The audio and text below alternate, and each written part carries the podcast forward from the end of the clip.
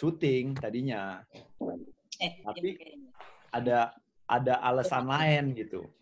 Ada alasan lain di mana eh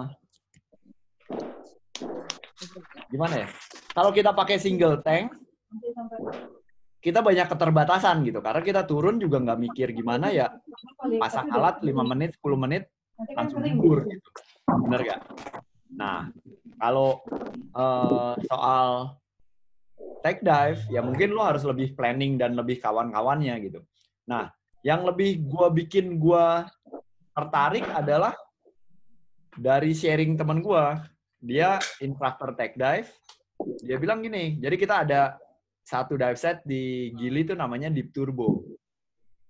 Dia bilang ke gua gini, tak, lu kalau di Deep Turbo kan palingan eh lu 30-40 menit lah maksimal dia bilang.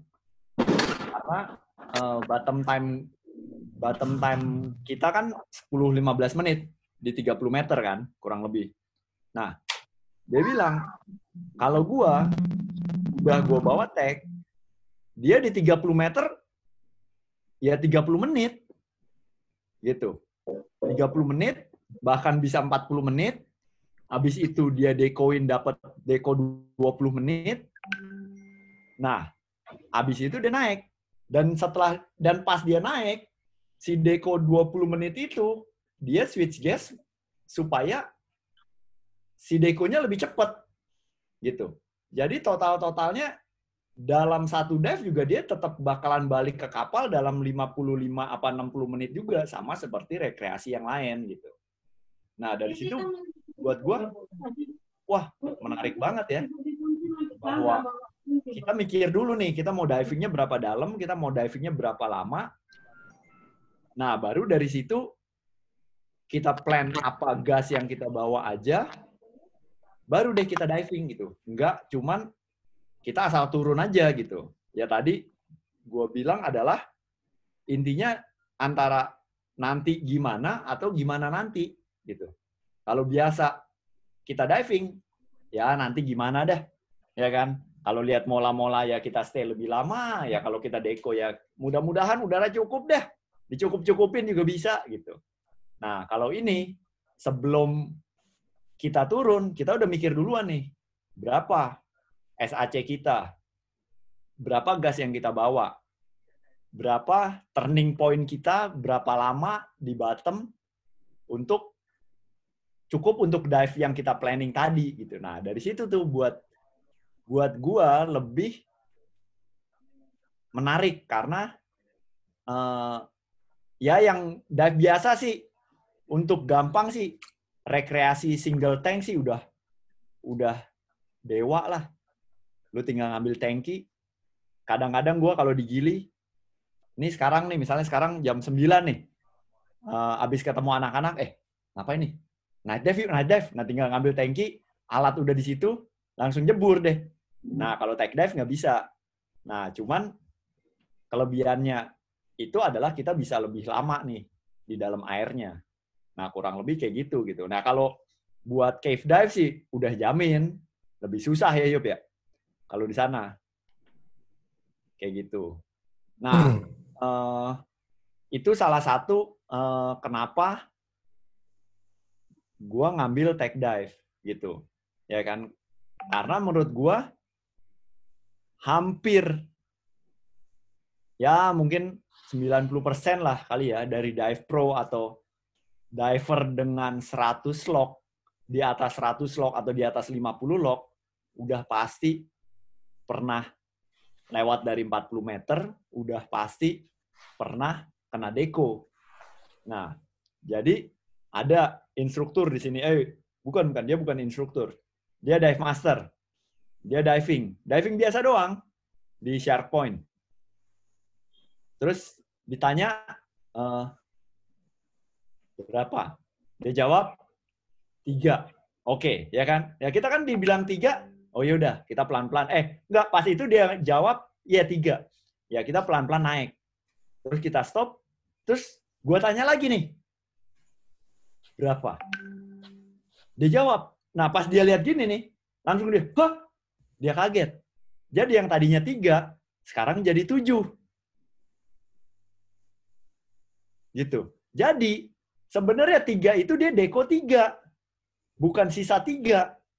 Tapi karena dia nggak pernah mendapat pelatihan tentang deko itu apaan, dia nggak tahu. Dia bilang, kenapa divecom gue jadi nambah ya, bukan kurang. Biasanya kan divecom kurang, dia bilang. Ini kok jadi nambah sekarang. Nah, hal-hal kayak gini banyak kejadian bahwa orang dengan dive-dive banyak, tapi menganggap deko itu sesuatu, ya kalau di rekreasi sih emang bener. Kita diving nggak boleh kena deko gitu. Deco dive ya, bukan penyakit deco nih, bukan decompression illness, decompression sickness. Tapi kita non decompression dive. Makanya sekarang banyak orang eh, orang-orang yang ngambil tag lebih ke arah dive master atau instruktur karena menurut saya mereka boring gitu. Mereka dengan ilmu yang udah ada, dengan pengalaman yang udah ada, pengalaman ngajar yang udah ada, dia butuh sesuatu yang lebih gitu. Nah, juga kalau buat saya yang saya lihat adalah uh, di saat kita cuman uh, punya pelatihan sampai deep nitrox, deep spec dan nitrox spec, terus kita ngajar deep spec sama murid, berarti kan kita ngajar sampai kapasitas maksimal kita nih. Benar gak? Jadi yang tadinya kita cuma 40 meter dan cuma boleh 40 meter, kita ngajar orang ke 40 meter juga. Buat saya kan, oh ini resiko juga dong. Benar gak? Karena saya nggak punya skill tambahan. Ini sama seperti instruktur yang hari ini saya menjadi uh, instruktur kandidat dengan ijazah sertifikat dive master di beberapa agensi besok saya lulus ITC atau IDC, saya bisa ngajar sampai dive master. Gitu. Jadi kita pakai kemampuan maksimal kalau punya kemampuan maksimal. Jadi kita menambah buat saya menambah resiko sebenarnya.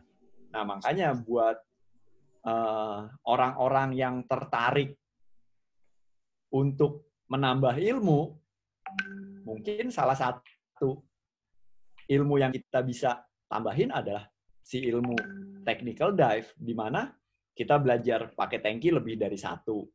Gimana kita belajar planning dive kita mau berapa lama. Terus uh, juga yang yang amat sangat banyak terjadi adalah sekarang banyak fun diver punya shearwater terik, punya shearwater perdik, punya D6, D9, Sunto, D5 apalagi sekarang yang bisa yang bisa uh, change gas, bisa bisa decompression dive, Garmin, Dyson One. Tapi dia nggak tahu apa pun itu gitu, nggak tahu bahwa uh, di Dyson One itu bisa kita setting di custom gradient factor. Kita mau pasang 40, 80, apa berapapun itu bisa kita pasang. Di Terik, gimana cara penghitungan si Sunto terhadap dekompresi itu menarik banget gitu. Dan kemarin juga kita banyak belajar, banyak ilmu baru bahwa uh, oh ternyata di Sunto itu perhitungannya ABC. Di Shearwater itu perhitungannya ABC. Walaupun at the end of the dive hasilnya sama, tapi itu bisa kaget gitu. Jadi kayak contohnya kemarin kita ada murid dia pakai uh, D9, D9 sama D5. Nah, kalau di Shearwater kita apa? Kita deko, kita udah masukin dari awal. Jadi di Shearwater itu misalnya kita deko 30 menit adalah dengan seluruh gas yang kita pakai. Sedangkan kalau di Sunto dia baru menambah atau mengurangi deco time itu setelah kita set di keadaan diving. Jadi misalnya kayak kita turun 45 meter. Kita sama-sama udah set pakai bottom mix 21. Kasarnya kita mau nyari mola-mola lah, Nusa sama Nida. Bottom mix 21 dan deco mixnya 15 80%, kurang lebih kayak gitu. Nah, pas kita dive, si Shearwater, dia akan bilang, oke, okay, lu kena deko 10 menit. Lu akan kena deko 15, lu akan kena deko 30. Itu sampai ke atas akan sama terus. Dan dia begitu di kedalaman tertentu, taruhlah 18 itu di kedalaman 11 meter, 10 meter, dia bilang kita harus switch gas, dia nggak akan menambah atau mengurangi angka dekonya. Sedangkan di Sunto, pas kita lihat di 45 meter, yang Shearwater cuma 10 menit. Di Day 9 itu sudah 30 menit. Kan orang kaget melihatnya. Bener gak? Yang yang itu, wah kok gue deko 30 menit? Nah, cuman karena itu kita bawa komputer dua, ya kita kurang lebih kita acuhin. Pas kita naik, begitu kita ganti gas yang kita nafas ke 80%, si Sunto D9 yang tadinya udah 40 menit deko, tiba-tiba kurang. Tinggal 18 menit. Oh, ternyata begini ya cara kerja si Suunto versus Shearwater. Nah, ini semua yang kenapa sih kita nggak belajar gitu. Kurang lebihnya kayak gitu. gitu. Nah, sebenarnya sih uh, acara ini sih pengennya sih banyaknya pertanyaan Pak Sabre. Jangan jangan jadi dari saya ngasih gitu. Ya. Gue nanya, gue nanya pertanyaan aja nih Pak Sabre nih. Biar nggak boring nih. Gua gua nggak tahu deh technical. Enggak, maksudnya siapalah mau nanya nih. Gue gue gue. Begin, begin, begin. Begin, ya. ayo udah bang. Ayo mau nanya, nanya juga nih. kan gimana, gimana? sekarang nih kalau di dunia penelitian. Ya, nah ini menarik nah, nih. Banyak beberapa kali tuh saya tuh dapat kerjasama untuk mesofotik koral tuh. Waduh, ngerti. Lah baru kan? Ya. Jadi mesofotik koral itu penelitian untuk koral-koral yang kedalamannya lebih dari 40 meter. Oke. Nah, kira-kira tek ya saya juga belum masih mikir-mikir juga nih belajar take dive nih. Tapi kayaknya harus nih supaya ya. nggak ya. ketinggalan kita sama uh, teman-teman yang lain. Luar. Kayak gitu. Benar. Karena ya. saya sempat juga ngobrol-ngobrol sama Mas Ayub nih, Bang Ayub untuk ya.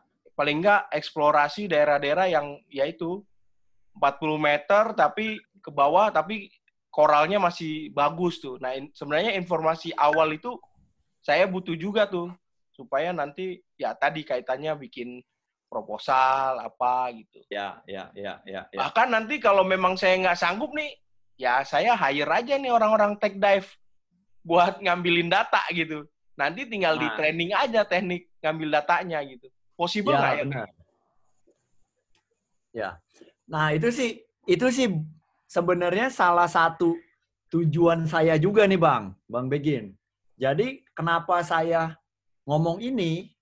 Karena sekarang Pertanyaan saya gini, siapa sih orang Indonesia yang beneran melakukan diving ke sub 40 meter dengan proper dan tiap hari gitu.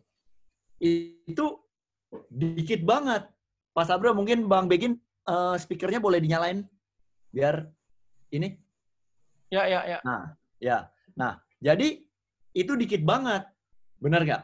Sedangkan tadi yang saya bahas, tadi saya bahas tentang video nih, tentang tech dive dan video. Jadi orang syuting ke Indonesia banyak banget, tapi yang dilibatin di Indonesian divernya cuman jadi kuli panggul, cuman jadi kapten dinggi, cuman jadi tukang masak. Kan kasihan gitu. Sedangkan yang saya lihat kameramennya Malaysia, Singapura, kadang-kadang Australia, ya kan? Nah, itu Pak Cipto nih. Nah, Pak Cipto eh, salah satu salah satu kalau, yang kameramen Indonesia nih. Kalau gue di hire CNN. Nah, itu tuh. Ya kan? Eh. Nah, tapi, nah, tapi berapa banyak gitu, Pak? Berapa banyak, banyak di Nah, yang masih aktif gitu. Ya kan nggak 10, Pak, gitu. Nggak lebih dari 10 gitu. Nah, kenapa nih? Padahal deep deep dive site kita juga banyak gitu ya kan. Kayak Bang Igor di Weh misalnya. Udah jamin itu. Nggak mungkin dia kagak turun lebih dari 45, 40. Katanya sih 30. Ngikutin recreational limit. Ya kan? Orang yang udah pernah ke Weh. Kayak teman-teman yang di Bali. Udah pasti tuh tembus-tembus deh. Udah kelewat deh tuh. Ya kan? Nanti kita ke 45 bilangnya, oh enggak ini 40 meter. Tadi ada ombak aja 5 meter di atas. Jadi dive comnya kelihatannya 45. Ya kan? Alasannya banyak deh. Ya gitu. Nah, kenapa sih kita nggak ngambil pelatihan propernya? Nah, balik lagi ke tadi pertanyaan soal soal uh, penelitian. Jadi penelitian itu gini, uh, ada yang penelitian yang saya kenal orang yang saya kenal adalah Mark Crane. Mark Crane dia melakukan penelitian tentang karang itu yang si tadi mesopo bla bla bla itu. Tapi dia turun 125 meter. Jadi dia bikin di Nusa Penida. Itu disupport sama Prancis. Jadi mereka berdua turun. Mereka berdua turun sampai 125 meter. 3 jam kalau nggak salah. Di bawahnya cuman 19 menit. Nah, ya balik lagi itu orang luar lagi yang bisa, gitu kan? Ya, kita nggak usah ngomong ke situ lah, kita ngomong masih sekedar 40 meter, 50 meter. Nah, cuman sekarang yang pertanyaan saya nih, Bang Begin, oke okay lah, kita bisa nih turun 50 meter, taruhlah. Teman-teman pasti ada yang pernah 50 meter single tank, gitu kan? Oh tuh, ada Bang Sami Kaunang. Dia dulu ikut uh, eksplorasi apa bang? Kolekan, kolekan, ikan kolekan iya. tuh. Iya, cari ikan, ikan raja laut di nah, Bunaken nah, waktu itu. Ikan raja laut di Bunaken. Nah dia udah tahu tuh. Ya isinya bule semua. Baru tim itu ngajarin tim Indonesia. Nah kenapa kita nggak punya nih deep deep tim Indonesia gitu ya kan? Nah balik lagi ke arah. ada tuh. nah ayo lah makanya nih ayo lah ya kan mumpung sekarang kita nggak banyak kerjaan ya kita mulai belajar lah kurang lebih kayak gitu nah balik lagi sekarang kira-kira yang kira-kira problemnya ada di mana itu nah ini yang saya mau jelasin nih Pak Sabre jadi kita turun 55 bisa sih bisa gitu tapi pertanyaan berikutnya otak kita ada apa enggak nih 30 aja kadang kita narkosis disuruh tambah-tambahan udah kagak ingat. Bener gak? Iya kan? Hmm. Nah, gimana rasanya di 45 ke 40 eh, meter ke bawah nih? Dan ini kan bicara penelitian. Bener gak? Ya. Penelitian kan apalagi kayak Bang Begin yang penelitian yang emang dari ITB misalnya. Yang emang hasilnya harus akurat. Bener gak? Bukan yang kita asal-asal reef check volunteer gratisan. Kita asal gini-gini. Oh ya nih ikan ini kayaknya sih ikan ini dah. Oh ya ah, apa tadi sembilan apa sepuluh? Uh, dah. Ya kan kayak gitu. Ini kan bukan kayak gitu porsinya gitu kan. Kelasnya bukan seperti itu. Nah saya udah ngerasain itu. Jadi waktu saya lagi ngambil rebreather course instruktur saya bilang gini tak gimana rasanya uh, ya biasa. Narkosis nggak lu? Kagak. Masih ingat kok. Gua ini kok bisa mikir kok gitu, ya kan? Karena se seingetan saya selama saya nyelam, saya tuh nggak pernah ngerasa narkosis nih. Seingetan saya gitu ya kan. Nah, begitu ini dia bilang gini, ya udah, lu ingetin nih, dive sekarang, lu ingetin rasa otak lu segimana nih sekarang? Oke, saya turun dong. Kita turun 45 meter nih, pakai air, pakai udara, sama pakai oksigen. Udah, oke. Di bawah dia ingetin, ditulis di slide-nya. Ingetin, narkosis lu segimana? Oke, oke, oke. Ingat, ingat. Ya. Nah, udah. Nah, dive berikutnya, sekarang peraturannya adalah kalau pakai air, cuman mentok di 40 meter. Kalau mau ke 45, kita harus pakai trimix. Kalau trimix kadar rendah, namanya helitrox, ya kan? Jadi dari berikutnya kita pakai helitrox. Jadi helitroxnya itu 20% oksigen, 20% 60% nitrogen, ya kan? Jadi nitrogennya udah berkurang.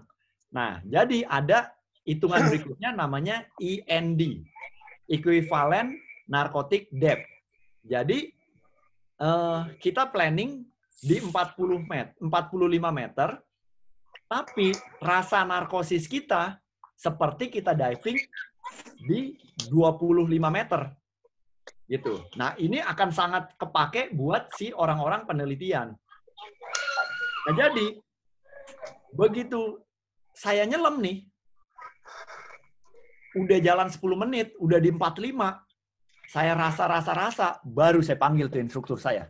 Saya bilang, waduh, itu saya baru berasa bahwa selama ini saya itu udah narkosis.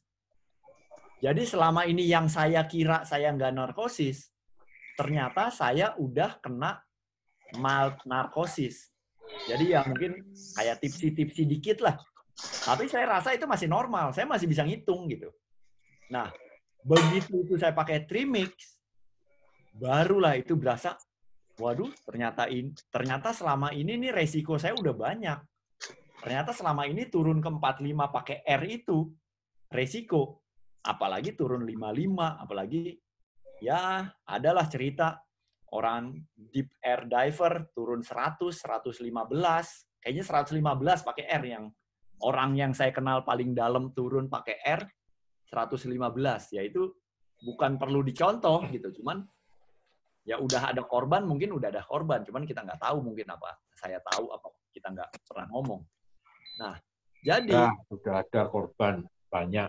Nah, itu kalau Pak Cipto yang ngomong ini dah. Itu kasus enak. Manado sampai sekarang belum selesai itu. Nah, itu jadi kami itu. tuh, semua tahu lah. Sebenarnya semua tahu, cuman semua nggak ada yang tahu gitu. Ya kan? Karena berani ngomong aja. Iya, karena badinya yang saat itu juga ya dia juga narkosis juga gitu. Dan di dan di technical dive course juga kita belajar uh, soal gas density. Gitu, di mana mungkin buat teman-teman yang pernah deep dive pakai air, mungkin tanki kita 200 bar. Beneran kita lihat 200 bar. Ya kan, udah jalan, kita sampai misalnya di 50 meter, tanki masih 150 bar. Regulator normal, tapi kita nafas ngap. Gitu. Kita nafas, ada teman yang panik sampai sekarang, bukan panik, apa? Uh, trauma. Panik dan sekarang dia di trauma. Karena dia bilang, gue nggak bisa napas di bawah, tanki gue habis. Nah, sebenarnya itu pertanyaan bukan tankinya habis, tapi gas density-nya itu terlalu tinggi. Gitu. Jadi penjelasannya adalah otot paru-paru kita udah nggak bisa bernafas normal. Gitu. Di mana nanti kalau otot hmm. otot dada dan otot jadi kalau kita yang asma, misalnya kita ngelihat orang asma, orang asma itu bukan nggak ada nggak ada udara, cuman pered apa bukan peredaran. Aliran udaranya nggak lancar. Jadi dia nafas pakai otot dada. Jadi jadi kayak gitu. Nah orang-orang yang deep dive yang merasa tankinya kosong itu dia udah nafas kayak gitu. Kayak gitu sama kayak orang asma. Dia sangka tankinya kosong atau dia sangka regulatornya bermasalah. Padahal itu bermasalah terhadap organ paru-parunya dia dan otot-otot badannya dia. Nah mengapa sekarang beberapa agensi mungkin sisa TDI doang yang pakai uh, apa namanya? Yang pakai R untuk ke 55 meter. Dari SSI udah enggak, udah dari 40 meter udah disarankan pakai trimix. Dari GUI udah lebih parah. Dari PEDI juga sama. Tinggal TDI doang yang dia masih punya course 55 meter R. Karena si gas density tadi gas density udara dan gas density helium beda. Makanya helium dia bisa terbang. Balon gas isinya helium dia bisa terbang. Karena si gasnya hmm. lebih ringan. Ya kurang lebih kayak gitu. Nah, cuman kalau buat pertanyaan Bang Begin soal penelitian, si penelitian itu butuh banget otak kita sharp. Otak kita bisa baca, bisa menganalisa, bisa menginput data. Nah, inilah pentingnya kita buat tech dive. Nah, tech dive juga balik lagi ke soal trimix END tadi itu bukan untuk deep dive doang. Di orang-orang penelitian mereka pakai trimix untuk di 20 meter. Karena dia pengen kemampuan otaknya setara dengan 10 meter. Gitu. Jadi di 20 meter yang orang udah agak-agak tipsy atau gimana-gimana, dia pengen otaknya masih sharp banget. Atau orang yang penelitian misalnya 20 meter tapi berarus, dia pakai trimix. Nah, masalahnya kendala orang nggak banyak pakai trimix adalah biayanya mahal. Gitu. Kalau di dive center, di dive center di Bali kayaknya sekitar 2000-an per liter. Kalau di Gili sekitar 2.500 sampai 3.000 rupiah per liter ya, per liter. Jadi kalau kita pakai trimix misalnya 20 persen kali 11 liter kali 2.200 liter. 11 liter 200 bar 2.200 berarti 4 400 liter helium yang kita pakai. Untuk kadar 20 20 oksigen, 20 trimix, eh 20 oksigen, 20 helium, 60 nitrogen, berarti 400 liter trimix, 400 liter helium kali 3000 perak. Itu satu tankinya 1 juta 200. Baru heliumnya doang. Ya kan? Baru buat kita doang nih. Baru satu tanki. Kalau kita pakai mau lama, kita dua tanki. Ya satu juta dua ratus kali dua, kalau kita ada guide, ya kita bayarin gasnya Apa? si guide. Dua juta empat ratus juga. Jadi kan Tapi jadi mahal. dari sisi Makanya, keamanan worth it nggak itu? Sisi keamanan apanya nih, Bang? Ya penyelamannya atau itu? Justru lebih aman karena narkosis kita lebih rendah dan trimix itu kan inert gas, dia nggak kepake di badan kita gitu. Ya kan? Untuk trimix saya nggak bisa ngomong terlalu jauh dari soal hitungan karena saya juga bukan yang pakai trimix sehari-hari gitu ya kan. Saya cuma pakai beberapa kali doang gitu. Cuman ini yang ke depannya akan saya pelajarin lagi gitu. Ya kan. Nah tapi uh, untuk diving lama dan terutama buat penelitian orang-orang di luar negeri udah pakai itu karena di luar negeri murah gitu. Nah untuk belajar soal si helium dan trimix ini ya caranya ya masuk ke take dive tadi gitu. Ya kan? Hmm. Nah, jadi intinya adalah take dive bukan melulu hanya deep dive. Take dive misalnya kita mau uh, waktu itu sama Bang Sami misalnya ke Lembeh. Saya pengen diving uh, uh, flamboyan cuttlefish misalnya. Nungguin flamboyan cuttlefish hatching telurnya Mungkin kita tunggu dua jam kali itu. Benar nggak? Nah, ini mix apa yang kita butuhin? Berapa tangki yang kita butuhin? Berapa surface air, consumption kita? Berapa gas yang kita butuhin untuk kita bawa? Nah, ini yang yang banyak terjadi gitu. Kayak aplikasi berikutnya adalah uh, saya syuting misalnya. Banyak orang syuting cuma ngomong, ah tangki tiga biji cukup lah. Ya dihitung dihitung nih kita napas berapa lama, kita berapa lama di dalam air, kita berapa banyak butuh gas itu gitu.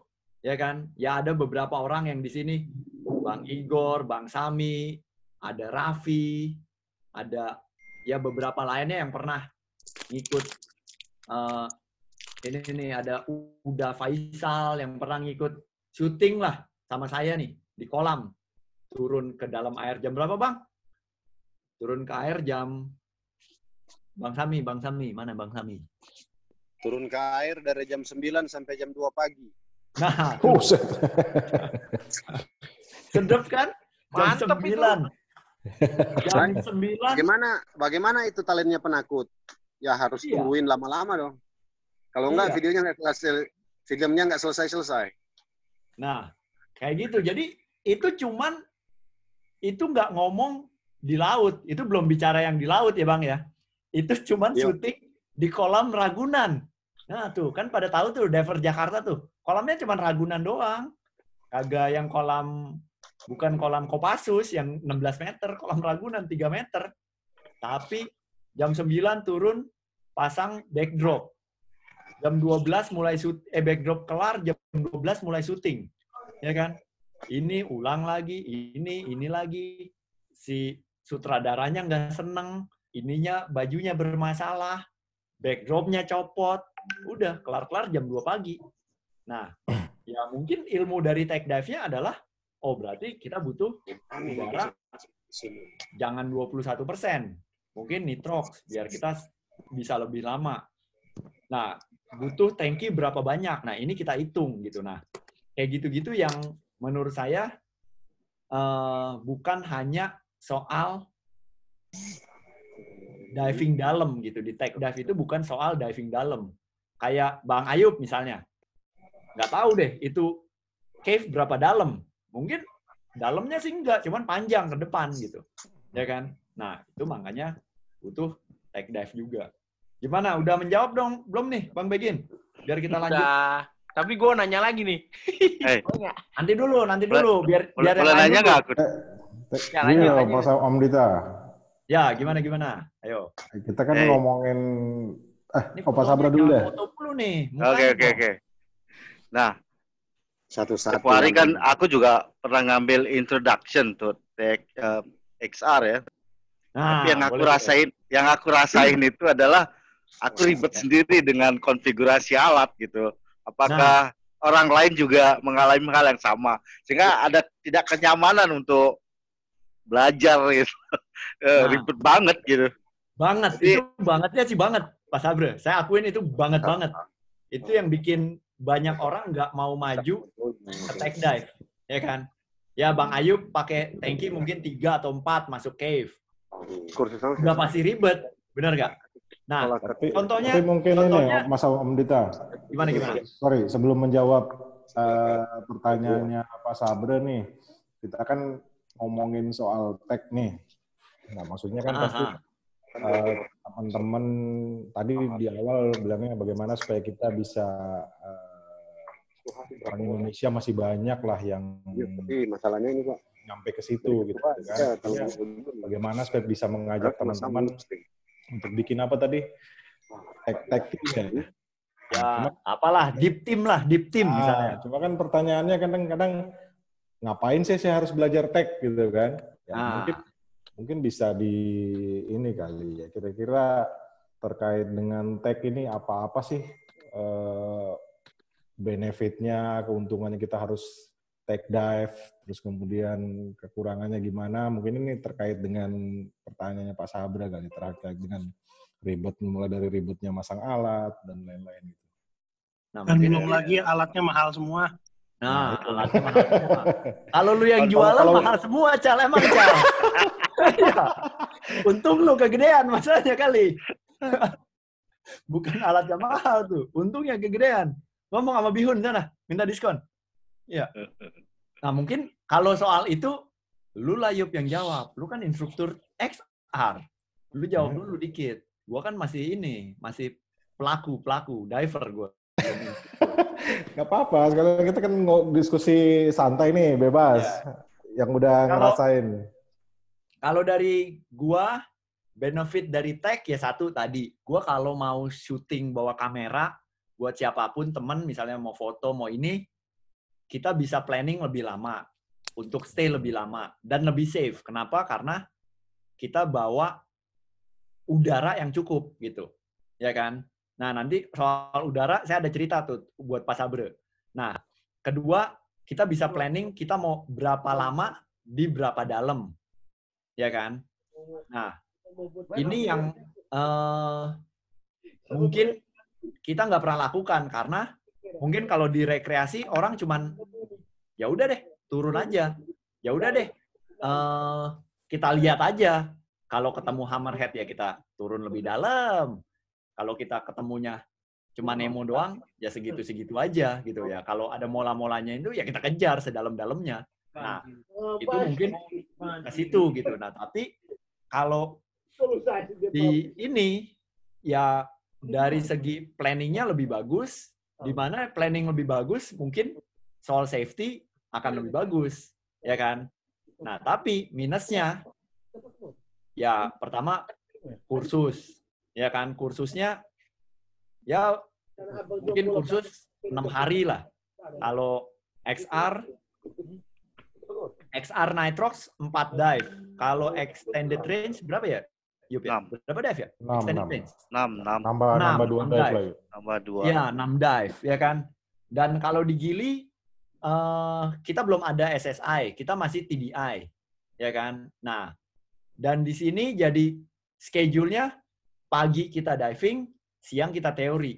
Jadi 6 dive itu 6 hari. Nah, orang untuk dapetin ke situ kan agak lama nih. Benar nggak? Agak susah nih. Kita, waduh, 6 hari. Berarti gue harus ke gilinya 8 hari. Ya kan? Gue harus cutinya 9 hari dong, apa 10 hari. Nah, ini agak susah. Itu yang menjadi kendala. Kendala berikutnya seperti kata Uda Ical adalah ya kita pakai tangki 3, ya udah pasti regulator 3. Ya kan? Kita pakai tangki 3, udah pas, pasti butuh BCD dengan lift capacity 3 gitu dan di tag lagi yang lebih parah divecom harus oke okay. dan divecom kalau divecom satu kita harus ngikutin sama slate yang kita catat berapa kalau kita mau ngikutin divecom kita harus beli divecom tag dua biji terus abis itu ya kebutuhan berikutnya maaf maaf ngomong divecom divecom mana yang bagus maksudnya recommended lah oh aduh nih sebut ini nih, sebut merek nih. Biar nggak jualan, ini bukan jualan maksudnya. Oh iya. Soalnya kan ada yang itu kan. Ada yang nanya. Kan banyak, ah, ada yang nanya. Kalau kalau saya uh, dari yang pernah kita coba di sini Sunto berbagai jenis, kemudian uh, Shearwater berbagai jenis, Garmin satu jenis. Uh, yang paling rekomen adalah Shearwater kalau buat kita. Rasio pernah coba nggak? Kenapa? Rasio. Rasio. Rasio, rasio. Rasio belum pernah nyoba nih. Rasio belum pernah nyoba. Gitu. Shearwater-nya yang mana? Prestel atau yang mana?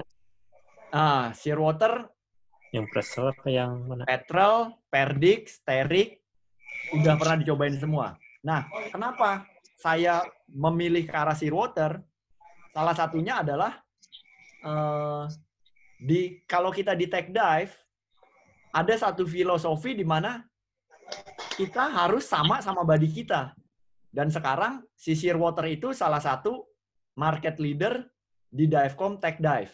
Gitu. Jadi karena ya yang diajarin bahwa kita turun bareng, kita naik bareng itu benar-benar harus terjadi di Tech Dive. Nggak bisa ya udah lu 50 bar naik sendiri ya, nggak bisa tuh. Ya kan? kita planning 25 menit di bottom, ya kita naik 25 menit sebelum sampai 25 menit, 23 menit kita udah mulai naik.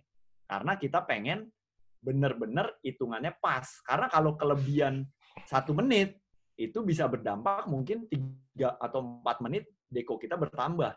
Kalau deko bertambah, gas kita kurang. Nah, balik lagi di Shearwater adalah jadi satu grup biasanya uh, grup yang maksim yang efektif adalah grup tiga orang, tiga diver. Kenapa tiga diver? Adalah supaya ini ganjil. Jadi misalnya dua mikir A, satu mikir B, ya voting dua yang menang, gitu kan? Kalau empat, nanti dua lawan dua berantem nih. Siapa yang mau diikutin, gitu. Dan kalau empat udah terlalu besar. Kalau tiga, posisi masih enak. Di depan uh, satu di depan, dua di belakang, itu masih enak lah. Nah, jadi dari satu tim ini diharapin angkanya sama semua. Nah, sedangkan kalau kita beda-beda dengan diver-diver luar, dengan diver-diver yang lain, misalnya saya dekonya 30, dia 40, yang sono 25, kan kita udah tahu nih kalau misalnya di rekreasi, taruhlah yang paling populer dengan uh, konservatif Sunto. Nanti yang pakai apa? Kalau guide-guide uh, senangnya pakai Oceanic. Gara-gara dia punya bottom time-nya lebih lama. Nah, kayak gitu-gitu kan jadi siapa nih yang mau kita ikutin? Sedangkan waktu tiap menit benar-benar ini makanya di di terutama kita di Gili kita rata-rata mungkin 95% pakai Shearwater gitu dan Shearwater sekarang menjadi uh, market leader di mana uh, merek-merek rebreather mainstream mungkin 80% dia pakai kontrolernya Shearwater. Jadi dengan harga yang sama, dengan fasilitas yang sama, kenapa kita harus pakai yang berbeda gitu ya kan? Dan di sini juga banyak yang jualan Shearwater juga. Jadi kalau ada masalah bisa kita minta tolong sama mereka gitu. Ya kan? Mungkin nah, nambahin dikit, Dit. Um, yang penting sebenarnya bukan mereknya, tapi karena lu pas lagi diving in a team, lu pakai algoritmanya sama. Ya. Jadi sebenarnya di Shearwater kan lu bisa pilihan bisa Billman, bisa VPM kan.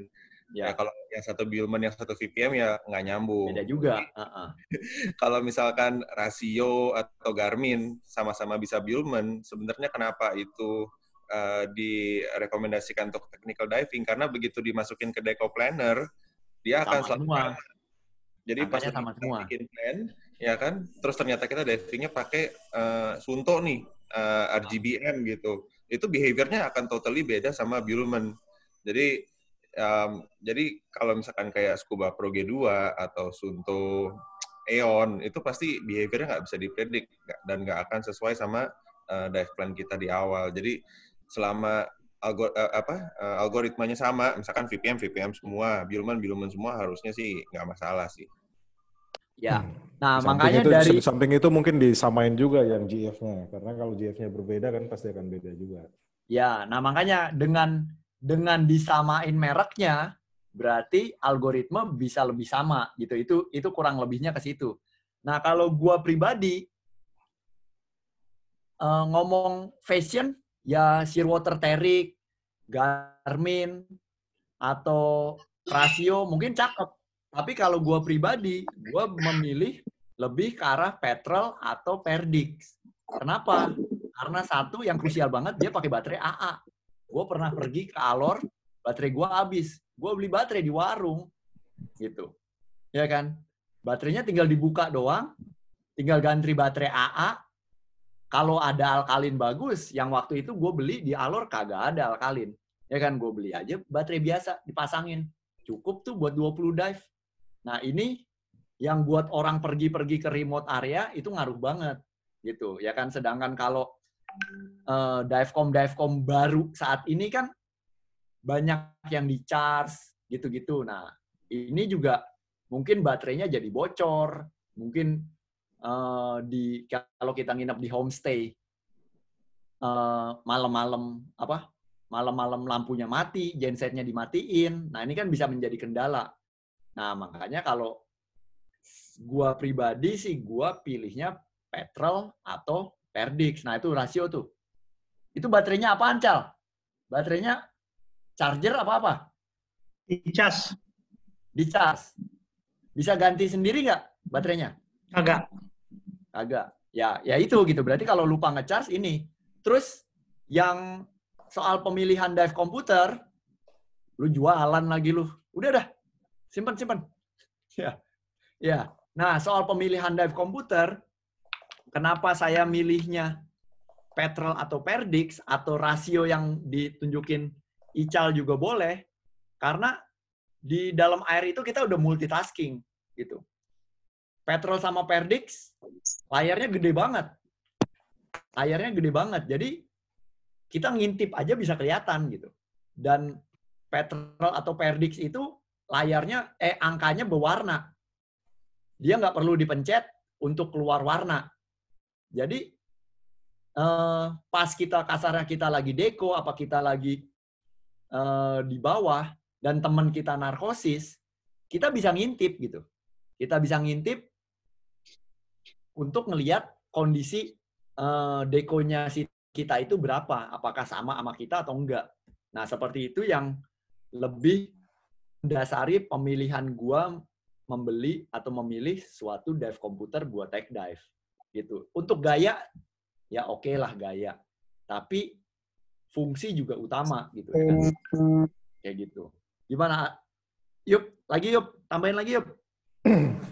ya kita kembali ke soal tag mungkin ini nih. Ini kan ada itu. ada Rian nih, ada udah Faisal juga yang udah pernah ngerasain mungkin bisa sharing dong. Nah, enaknya take diving tuh gimana? Kita ngomong ya, enak nanti aja dia ntar jualan dia. Kalau ngomong nggak enaknya pasti ribet lah namanya take dive belum alat-alatnya mahal, mahal. pula. Kalau kita overweight-nya lagi sekarang overweight. Gitu kan. Duitnya juga berat. ya. Gimana tuh? Rian, Rian, Rian, gimana Rian? Kalau dari ya, pasti berat, pasti berat duitnya. Ada yang jualan soalnya, jadi berat dia. Makanya di mute aja tuh, di mute terus Pak Kabre. Jangan diinin Ical tuh. Jadi jadi langsung ke Ical kalau jualan. Cal, jualan Cal, mana Cal? Ya ya, Rian Rian, ayo Rian. Siap siap siap. Ya kalau dari gue kan basically tadi konsepnya Pak Sabra misalkan alatnya ribet. Uh, menurut gue sih sebenarnya sama aja kayak anak baru belajar open water ya namanya alat baru itu pasti ribet. Um, mungkin kita nggak ngomong tag-nya harus sampai kayak bawa stage gitu ya. Tapi misalkan contohnya dengan redundant bottle gitu. Misalkan dengan double back mount atau dengan side mount, uh, benefitnya sih jelas. Uh, pasti kan ada redundant air kan. Jadi kalau misalkan concernnya di alatnya ribet, harusnya by practice itu uh, should be no problem. Uh, benefitnya apa? Uh, harusnya lebih aman. Jadi itu aja sih trade off-nya. Nggak, nggak harus kalau misalkan kita technical diving itu atau dengan konfigurasi seperti itu kita harus lakukan uh, deco dive. Um, jadi sih ya dan yang kedua adalah dan nggak hanya soal konfigurasi kan di technical diving memang emphasisnya juga banyak di segi trim, buoyancy, propulsion ya kan uh, dari segi kicking dan segala macam. Uh, tinggal mungkin yang paling kena adalah contohnya banyak orang pakai teknik ini di cave diving misalkan uh, baik pakai back mount atau pakai side mount gitu. Uh, kenapa dia harus gerakannya presisi? Kenapa dia harus kickingnya presisi? Karena memang untuk menjaga uh, apa namanya uh, diving di environment seperti itu kan, nggak mau silting up, nggak atau nggak mau visibility-nya untuk jadi kru dan segala macam. Nah, yang paling kena adalah sebenarnya adalah satu, salah satu orang yang bilang kalau memang diving seperti ini uh, di sangat cocok untuk diving di gua, kenapa nggak seharusnya diving ini cocok untuk di semua environment? Sebenarnya lebih ke situ sih. Jadi kenapa memang uh, kita harusnya punya standar yang lebih lah gitu. Uh, uh, terkait dengan yang pertanyaan saya tadi itu, jadi uh, pengalaman saya waktu saya ngambil side mount itu kan, side mount diving yaitu kan ketua tanki segala macam. Itu saya baru nyaman itu setelah empat kali dive. Nah, benar. Teman-teman teman-teman yang lain juga mengalami hal yang sama. Sama persis. Nah, kemudian yang aku coba juga SCR, SCR Horizon juga sama dengan gitu. Ya, ya. Jadi oh, nyelam satu, nyelam dua, sampai nyelam tiga itu aku Napasnya masih ngap. Napasnya ngap. Kan, masih bill out, kemudian ke bill out ke ini itu kan masih ya. otak itu kayak kadang-kadang stuck gitu loh, nggak jalan. Gimana ini gitu loh. Kan banyak banyak hal yang harus diingat gitu. Jadi Siap. baru nyaman itu setelah lewat tiga dive. Ya. Apakah teman-teman yang lain juga mengalami hal sama untuk penyesuaian konfigurasi gitu loh maksud saya? Ya. Kalau saya ada ada sharing nih Pak Sabre nih. Hmm. Jadi pas saya ngambil tag uh, sama Phil tahun lalu, saya pakai konfigurasi twin set. Hmm. Ya kan? Nanti saya coba cari ada videonya kayaknya. Pakai twin set. Twin set itu beratnya ampun-ampunan buat saya tuh. Saya nggak pernah pakai tangki lebih dari dua, dan ini bawa tangki langsung tiga. Nah, kalau bilang nggak nyaman, emang nggak nyaman banget sampai sampai terakhir emang mungkin 4, 4 dive baru lumayan enak. Tapi itu kelihatan jelas di cons air consumption saya.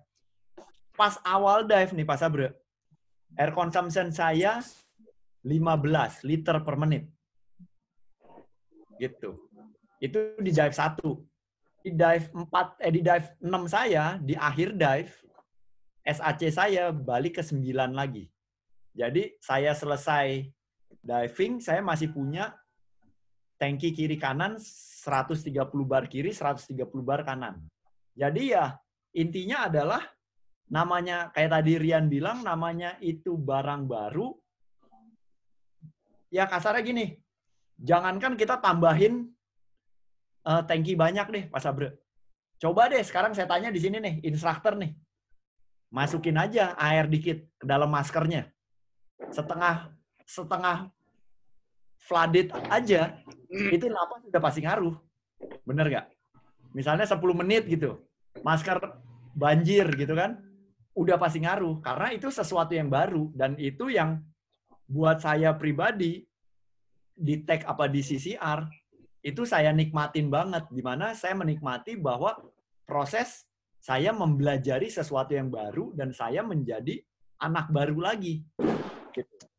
jadi ya buat saya mungkin open circuit buat kita kita instructor apa yang lain mungkin udah biasa banget gitu tapi begitu kita menemukan sesuatu yang baru, nah gimana nih? Gitu. Di pertama dive saya pakai CCR, saya bilang, ini mau lanjut apa kagak nih ya? Ini napas kenapa susah banget gitu ya kan? Napas kayak gini, kadang-kadang berisik, kadang-kadang jadi body position tuh ngaruh banget gitu. Makanya kalau dilihat orang kadang-kadang ada gini gitu. Kalau dipakai rebreather kayak gini, dia nggak bisa gini. Karena kalau kayak kalau flat banget, tergantung merek rebreathernya, karakteristik nafasnya berbeda gitu. Bisa nafas buang lebih ringan ketimbang nafas tarik. Nah, ini yang harus kita cari body positionnya itu. Jadi, untuk menjawab pertanyaan Pak Sabre dari saya, itu emang benar. Saya juga merasakan hal yang sama. Nah, mungkin dari Bang Ayub gimana nih? Sama atau enggak nih? Yuk. Ya, saya pikir sama lah pasti namanya kita mencoba sesuatu yang itu, baru kan. Pasti itu gitu namanya stres. Apa? Itu namanya stres. Stres. Oh iya iya iya benar. Iya. Saya pikir semua orang pernah mengalami hal yang sama lah, mencoba mencoba sesuatu yang baru. Cuma kan ada istilah convert through with repetition. Nah, itu namanya stress. Psychological stress sama physical stress-nya ada di situ semua itu. Nah, setiap kali sesuatu yang baru tadi cerita masker uh, air masuk, enggak usah air masuk, air netes saja bisa buat nah, stres. Benar, nah, benar. Kemudian res respon stres untuk masing-masing orang itu beda. Jadi ya. sebetulnya kayak misalnya Sabra tiga kali nyelam uh, baru baru enak, mungkin ada yang dua kali, mungkin ada yang sekali, mungkin ada juga yang nggak berasa. Jadi itu akan sangat uh, tergantung uh, masing-masing individualnya aja. Kan ada juga murid open water yang begitu selesai uh, begitu uh, nyemplung langsung udah kayak ikan, ada yang 100 kali masih uh, uh, mas kelilingnya nangis kan. Kayak kuda laut. Itu namanya stres. Ya, jadi wajar-wajar saja. Ya. Itu nah, uh, apa namanya uh, ilmu stres itu luar biasa itu. Il, ilmu stres uh, di diving itu luar biasa. Itu menyelesaikan banyak masalah. Itu ada bukunya sendiri itu. Coba hmm. cari bukunya itu apa namanya stress and diving itu. Oke, oke, oke, boleh nanti, tuh. Nanti itu, itu penjelasannya di situ banyak. Ya, ya. Ya. Nanya bisa ya. Mau nambahin? Apa pertanyaan berikutnya nih? Pertanyaan berikutnya aja ya. Ya, pertanyaan, pertanyaan. Oh ya, Om Jimmy. Ayo, Om Jimmy. Ya, dulu saya pernah belajar Tech 40 di Bali Scuba tahun 2011 kalau nggak salah. Ada ya. Tech 40, Tech 45, Tech 50 waktu itu instrukturnya Kendut. Cuman saya bingung waktu itu nggak menurut saya ini aneh hanya beda beda 5 meter kok harus ngambil tag 45. Beda 5 meter lagi harus ambil tag 50. ya. Biaya kan gede banget. Saya pikir waktu itu tag ya sudah namanya belajar tag ya mungkin kedalamannya sampai 50 meter apa berapa. Enggak, saya belajar tag 40 kemudian kalau mau 45 nanti belajar lagi tag 45. Kalau mau 50 nanti belajar lagi tag apa 50. Apakah perkembangan ini sudah nggak dipakai lagi ya untuk sistem belajar yang gini. Waktu itu, waktu itu maaf di PEDI soalnya saya belajarnya. Tergantung agensinya, Mas. Oke. Okay. Tergantung agensinya mau diprotolin seperti apa bisa pas. Menambah oh. satu senti kemudian diakalin juga bisa kok. Ya. Oh, iya, iya, iya. Di SSI kan gitu juga Om Cep. Hmm? iya. Kan gitu. Makanya itu uh, kalau, mau advance kalau sampai 40, kalau mau sampai ke XR nambah 5 meter lagi.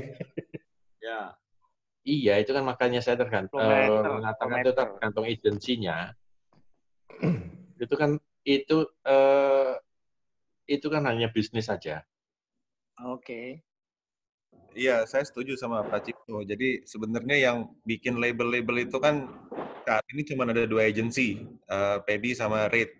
Untuk kalau misalkan TDI sama XR itu kan nggak ada label-label kedalaman karena memang intinya bukan soal kedalaman, intinya adalah gimana kita bisa diving di kedalaman itu dengan lebih lama.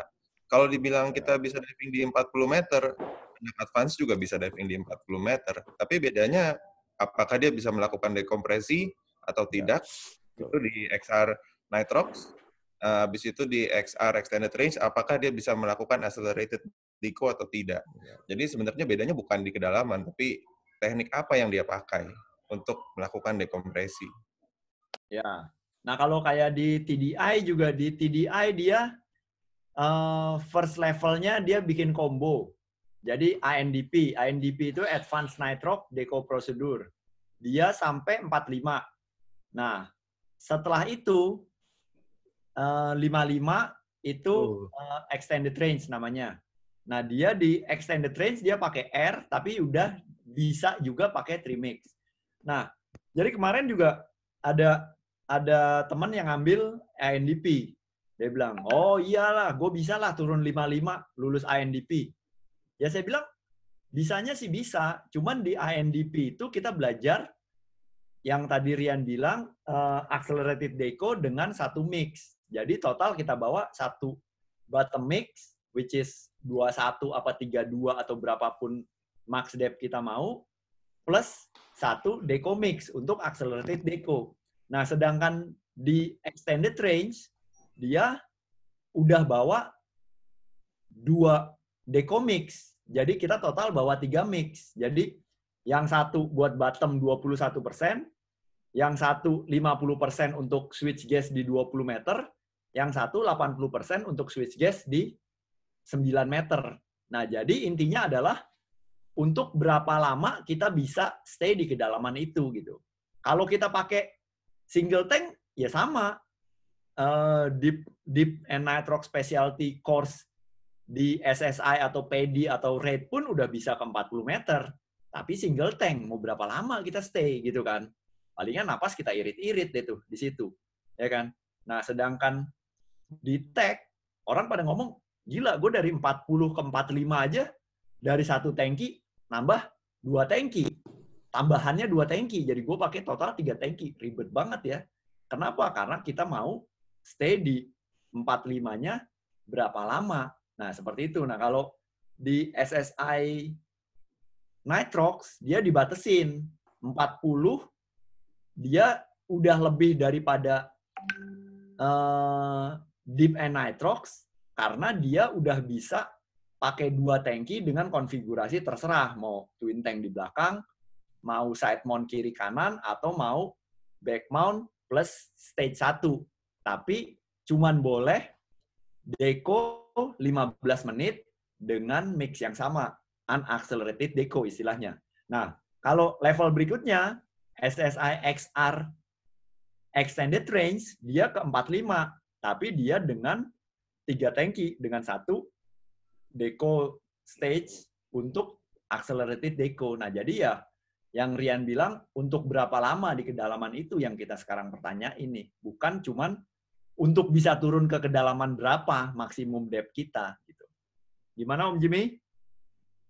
Bang Ayub mau nambahin? Ya ya bagus itu mah masalah maco-macoan aja. Kalau zaman dulu kan orang oh gue bisa ke kedalaman sekian oh gue ada license buat ke kedalaman sekian. Makanya beda-beda agensi beda-beda fokus lah. Itu cara jualan aja. Ya gitu. Ya, betul tuh. Kalau Jadi zaman dulu nggak pakai sertifikat lagi pak. Nah maco-macoan dulu nggak pakai sertifikat. Ya, dulu ceritanya Pak Surya, dia lihat depth gauge isinya 100 meter, dia sangka bisa 100 meter tuh. Iya, ternyata kenapa nggak boleh? Ya, karena belum ada sertifikatnya. Jadi ya, balik lagi sih, pertanyaan kita misalnya, di sini teman-teman juga banyak yang ya, dive mau jago-jagoan, mau keren-kerenan, atau kita mau lebih menjual. Kalau sharing saya, uh, di tempat saya kerja di Gili, itu sertifikat banyak benar. Kita bikin sertifikat satu dive center satu tahun 2000. Tahun dulu ya, tahun dulu. Bukan 2020 nih. 2020, lain cerita. Pak Sabre tahu tuh angkanya berapa tuh Pak Sabre. Ya kan? Nah, Odo kenapa? ada nggak Odo? Odo ada di sini aja udah down 50 persen. Odo ada nggak di sini? Suhodo ada nggak di sini? Ada. Dok? Ada Pak Hodo. Pak Hodo cerita dong dulu dulu zaman uh, kita belajar kita sudah belajar deko sejak dari open water itu. Nah, seru tuh. Hodo cerita dong kita pakai uh, tabel US Navy itu. Yang pakai pressure group pressure group itu. Oh, itu, itu itu itu sudah bablas deko semua itu. Ayo dong cerita dok. Odok. Odok mana Odok? Wah. Kita tungguin Wah. aja nih. Odok nih, nggak ada pergerakannya. Mana Odok? Odok cerita dulu zaman zaman tahun 90-an um, open water sudah belajarnya tabel US Navy kagak kagak ada tuh uh, urusan komputer tuh. Yeah. Otaknya cerdas-cerdas hitung-hitungnya pakai tabel semua. Tabel US Navy bisa dipakai untuk uh, multi level tuh. Hitungan multi level ya? Iya, pakai US Navy tabelnya tapi. Iya, bisa multi level. Nah, itu belum pernah tahu tuh saya tuh gimana cara nah, hitungnya itu, tuh. Eh, itu itu uh, apa namanya? cerita zaman dulu. Hodo, Hodo, mana Hodo? Nah, ini nih, nih. Oh, belum. Kan? Oh, belum. Dok? Oh, ya, ya, sorry. Ya, udah cerita zaman oh, sama dulu. aja sama, sama lu, Cip. Ya? Sama aja US Navy hitung-hitungan begitu. Iya, Dari uh, zaman dulu nggak pakai nggak pakai uh, sertifikat sertifikatan tuh. Nggak ada komputer lagi. A2, A2. Sertifikatnya A2. Belajarnya berbulan-bulan. Nah. Kemudian uh, table semua diajarin, mulai dari US Navy, BSEC, kemudian ada tabel, uh, tabelnya NAWI. Itu, itu semua dulu waktu zaman uh, uh, kita di kampus tuh belajar semua itu table tuh. Jadi isinya otaknya isinya tabel, uh, tabel semua, nggak ada lagi uh, nggak ada uh, share water share wateran belum muncul tuh. Jadi kalau ngitung uh, deko ya itu uh, ngitungnya pakai tabel semua itu. Tapi berarti kalau kayak gitu dicatat semua dong, Pak Cip? Loh enggak. Se se uh, sebelum turun ke bawah su sudah diadat ya kan? uh, di di di slate Iya kan? Iya, udah dihitung, kita tulis di slide semua. Iya, uh Nah, ya di slide. Ya, ya kalau, kurang lebih sekarang juga kita juga seperti itu gitu. Oh, kalau bandel kalau bandel-bandel Nah, nah kalau bandel-bandel kalau stage dekompresi pun ada di uh, ada di kepala tuh. Enggak enggak enggak pakai ya? enggak pakai uh, apa? Ini apa namanya komputer tuh. Komputer. Hmm. Berarti jamnya analog semua Pak Cip ya dulu. Hah? Gimana analog semua? Hah? Jamnya analog semua alat bantunya. Oh jamnya analog. Eh jamnya uh, boro-boro, jamnya diputar itu loh. Oh, yang yang bezelnya diputar, yang yang, yang dinding, yang, yang dinding diputar. Iya bezel ya. Kayak bezelnya diputar hanya untuk tahu waktunya berapa lama, kemudian ya, ya, ya. Uh, ini gauge-nya um, nyantel di pinggir sebelah kiri itu. Ya, ya, ya, ya, ya. Ya, Aduh, tapi tuh lucu tuh Pak nambahin aja. Dari agensi sebelah sih juga sebenarnya nggak pernah ngandelin uh, apa dive computer buat deco. Uh, biasanya kalau yang di IR itu pakainya namanya ratio deco. Jadi yang dipakai kan cuma bottom timer, tapi mereka memang sudah punya pattern yang udah di atas kepala untuk melakukan deco. Jadi kalau sampai uh, dive komputernya fail, itu masih bisa jalan. Namanya ratio deco. Nah, itu eh, kalau pattern itu dari dulu kita sudah sering pakai. Jadi sebetulnya kalau yang orang-orang lama itu itu bisa diving uh, tanpa ngelihat table lagi karena uh, profilnya sudah rata-rata uh, seperti itu. Hafal. Sudah hafal profilnya. Sampai kedalaman 62 meter kalau eh nah, kalau nggak salah 62 meter atau 200 feet uh, itu itu sudah hafal uh, patternnya. Ya, ya, ya. Ya, ya kayak gitu. Ya, orang dulu kan Pak menggunakan hafalan kan zaman dulu kan handphone nggak ada, oh. nomor telepon semua hafal kan. Telepon teman hafal semua manual-manual ya kan. Sekarang kan oh, enggak lah dicatat lah. Oh. dicatat lah mana hafal. Ada catatan buku kecil. Yang punya telepon ya. juga dikit, Dan Pak, buku, zaman dulu. Enggak, bukunya bukunya di sebelah di sebelahnya telepon rumah itu loh. Iya, iya benar tuh. Bukunya di sebelah telepon rumah, kemudian bukunya itu ada uh, tulisannya ABCD-nya itu loh. ABCDE. Nah, itu oh, kemudian oh, iya, iya. mau cari namanya siapa, cari ABCDE-nya, buka, kemudian Abjad. baru nelpon. Iya. Nah, benar tuh, benar tuh. Nah, orang sekarang kan bergantung sama teknologi semua, Pak. Mungkin yang Rian sampaikan tadi, ya bagus juga sih buat antisipasi kalau fail gitu. Ketergantungan kita sama teknologi sangat tinggi sekali sekarang kan. Orang nggak diving nggak iya. pakai divecom aja kelupaan aja sudah stres, Pak cuma oh, iya. rekreasional apalagi tech dive iya, gitu. Iya. Saya malah pernah nemu uh, instruktur uh, ketinggalan uh, divecomnya nggak mau nyemplung ya. Oh. ya, Aduh, ya, gimana ya, tuh? Ya. Kalau tech sekarang uh, belajar table nggak? Nggak. Nggak. Nggak belajar table ya? Jadi uh, sekarang kalau yang yang saya dapat adalah kita belajar cara pakai software. Oh, pakai software. Ya, hmm. jadi semua uh, table-table itu kan jadi manual nih. Nah, si table-nya itu kita belajarin cara masukin ke dalam software. Nah, baru dari software kita atur, kita mau berapa lama, nanti keluar itu, nanti kita hitung, kita sakrate-nya berapa, ininya, semua kita tulis ke dalam slate. Nah, jadi peraturannya adalah kalau kita punya satu slate, eh jadi kita harus punya satu slate termasuk bottom timer uh, di gauge mode. Misalnya kita punya divecom itu dalam gauge mode. Nah, sama satu tag komputer. Nah, kita nggak boleh ngikutin sama si tag komputer. Kenapa? Karena tag komputer bisa mati. Nah, jadi kalau kita punya satu dive tag eh divecom kom, uh, tag, kita ngikutin sama si slate plus bottom timer. Jadi in case si divecom mati, kita tetap punya acuan gitu. Jadi bukannya kita ngikutin si divecom, kalau divecom mati kita ngelihat slate, tapi terbalik, kita ngelihat slate untuk uh, acuan asli, divecom itu cuman sebagai tambahan referensi aja. Kayak gitu. Tergantung Jadi, tergantung instrukturnya juga sih, Dit. Ada Gimana juga instruktur yang ada ngajarin ngitung manual juga pakai table juga. Oh iya, nah yang di gua ini udah enggak nih diajarinnya cara kan ada juga yang di slide itu yang kita tulis di slide itu ada berasa pakai aplikasi, ada yang kita hitung manual. Kalau kalau saya sih lebih lebih baik kita ngajarin manual hitung manual sambil setelah itu pakai aplikasi bisa. Oh, oke okay, oke. Okay. Ya. Ya sama dengan kalau open water kan kayak sekarang kan dev table kan udah opsional tuh. Tapi kalau saya sih tetap saya ajarin. Iya open water kan gitu. dev table di ini ya di apa? Di appendix kalau nggak salah. Ya itu kan jadi jadi, jadi ini optional, bisa, ya? bisa bisa ya opsional bisa diajarin bisa enggak kan. Itu semua agensi udah udah opsional sekarang. Hmm. Semua enggak setuju tuh.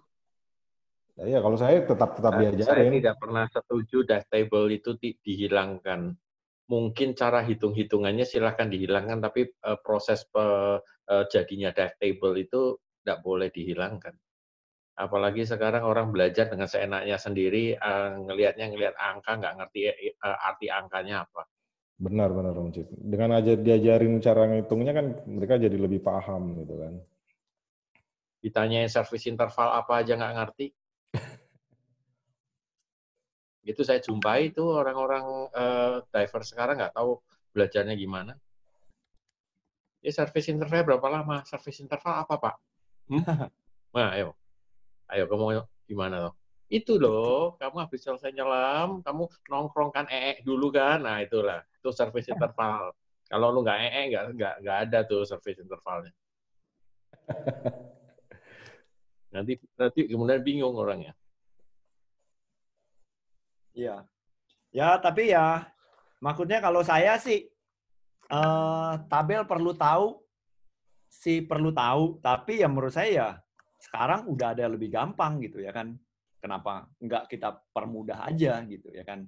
Dan juga eh, teknologi udah jauh berbeda sama berapa puluh tahun lalu gitu kan. Sama seperti eh, perkembangan regulator, dive komputer, semuanya udah berbeda gitu. Jadi ya. Kalau regulator dari zaman dulu sampai sekarang nggak ada perubahan.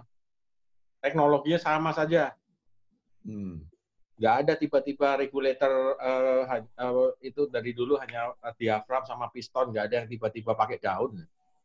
Tapi kan dari dulu, dulu kan yang di, ditarik itu Pak. regulator sama aja. Kenapa? Yang, Masih. Yang ditarik. Dia. Valve-nya maksud saya. J-valve ya. J-valve yeah. dulu ya J valve K valve itu yeah. kan uh, di, nah. di di tabungnya Iya, iya, gitu. Makanya itu kalau sebetulnya teknologi, teknologi mekanikalnya diving dari zaman dulu sampai sekarang tidak banyak berubah. Hmm. Yang berubah komputer ya, karena lebih mudah, lebih banyak isinya aja. Yang saya heran malah kenapa Garmin MK1 belum ada saingannya. Padahal itu kan gampang sekali untuk membuat uh, dengan sekarang smartphone tuh banyak smartphone dikasih uh, sensor uh, tekanan jadi itu dive divecom. Ya, ya, ya. Kan tinggal di, di, di, di softwarenya aja. Jadi dia kan uh, apa namanya pembacaan hanya sensor tekanan aja. Dan kenapa kok hanya uh, Garmin MK1 doang? Nah, perlu dipertanyakan tuh. Ayo, Padahal gampang yang... sekali kalau sekarang teknologi smartwatch udah demikian luar biasa. Dari smartwatch untuk jadi komputer, Divecom, Divecom itu kan hanya nambahin software sama sensor sebiji aja. Sensor depth ya? Iya, sensor iya. Tekanan. Sensor tekanan. Ya, ya, ya. Langsung jadi itu semua. Ya, ntar tinggal tambahin algoritma. Sama kayak di kamera, di paralens dia pakein sensor depth, jadi dia punya punya depth gauge-nya juga di dalam kameranya. Tapi benar juga tuh, nggak tahu tuh kenapa tuh. Ada, ada yang bisa sama mirip sama MK satu desain Atmos. Dia bisa ada mapnya juga. Aku Apa namanya? Atmos, Atmos. Atmos. Ya. Oh. Dia bisa sama seperti Garmin, bisa dia. Ada lokasinya ada segala macam. Itu apa namanya? Um, GIS, Geographic Ecosystem. Iya. Ada detak jantungnya juga. Uh, dia sih lebih ke divingnya ya untuk position GPS gitu-gitu ya. Enggak, yang penting itu detak jantung tuh. Kemudian kalau bisa uh, hitung oksigen uh, concentration di dalam darah segala macam tuh. Itu karena penting kalau, tuh apalagi kalau uh, kasus orang meninggal karena uh, diving uh, jantung tuh banyak. Pengalaman pakai Garmin detak jantung kalau kita juga nggak nempel di nadi karena ada wetsuit nggak akurat juga pembacaannya. Ya, ya di ya harus ditempel di nadi kalau per, kalau perlu seperti yang uh, scuba pro apa itu yang ada oh uh, mantis mantis di, yang ada di dada. Ada di dada. Karena ya. kasus kecelakaan penyelaman meninggal itu paling banyak karena heart attack. Kenapa hmm. itu nggak ada nggak ada yang ngurusin? Nah itu cobalah kalian yang diver diver itu buat uh, mungkin ada perusahaan yang mau uh, ngerjain ini. Ya ya ya ya dengan kayak si scuba pro sih dia bahas tentang perhitungannya algoritmanya apa istilahnya adaptif algoritma kalau nggak salah. Jadi kalau kita heart apa heart rate-nya nambah kenceng itu kena penalti ke NDL-nya kita. Ya karena kan uh, uh, pemikirannya artinya terjadi sirkulasi darah yang lebih tinggi, tetapi persoalannya bukan hanya sirkulasi darah, mengenai uh, kesehatan jantungnya sendiri ya itu sebetulnya bisa dideteksi. Misalnya terjadi aritmia misalnya, nah itu mestinya komputernya tahu. Karena di dalam air kalau orang jatuh tuh mati. Kalau orang di darat kemudian jatuh mungkin masih ditolong orang ya. Ya, kalau ya. orang di dalam air terjadi serangan jantung gimana? Nah itu tanda-tanda awalnya uh, kalau bisa dikenali melalui komputer. Kalau sekarang komputer katanya mau canggih-canggih, ya itu kalau menurut saya arahnya ke sana aja. Karena kalau hmm. perhitungannya rata-rata sama-sama saja, pakai teorinya siapa ya semua perhitungan teori semua. Ya. Kalau bisa membuat sensor uh, detak jantung yang lebih akurat itu itu adalah perhitungan real time. Oke, ada pertanyaan lagi nggak nih? Yang lain? Gor? Nanya dong, Di. Sekarang di Gili, bagaimana soal ini peminat tech dive itu berapa persen sih dibandingkan recreational dive dari total certified dalam satu periode? Ini siapa yang nanya nih? Sorry. Yamki. Oh. Yamki, Yamki. Yamki. Uh, jadi kalau di Gili, uh, berapa persen? Jadi gini, mungkin mungkin persentase gue nggak tahu ya. Waktu itu gue pernah iseng-iseng bikin angka. Tapi emang itu sih sangat mengerucut gitu. Jadi istilahnya gini, uh, di awal, jadi di Manta Dive sendiri, kita baru kurang lebih tiga tahun terakhir nih bikin tech dive divisionnya. Cuman kita punya supply uh, rekreasional besar banget gitu. Jadi di awal-awal yang penggemar orang ngikut-ngikut tech course itu ya dive master atau instruktur karena mereka pengen update ke ilmuannya mereka gitu ya kan supaya lebih nambah ilmunya. Tapi seiring berjalannya waktu jadi dari kalau dilihat dari trennya adalah orang rekreasi, kemudian ada anak-anak yang dive master, dive master trainee, apa instructor pakai side mount. Nah, si yang rekreasi jadi tertarik nih pakai side mount nih. Ya kan? Apaan sih tuh? Beda nih? Ya kan? Nah, padahal ngambil side mount, mungkin yang ngambil side mount ya 10% lah misalnya dari total rekreasi.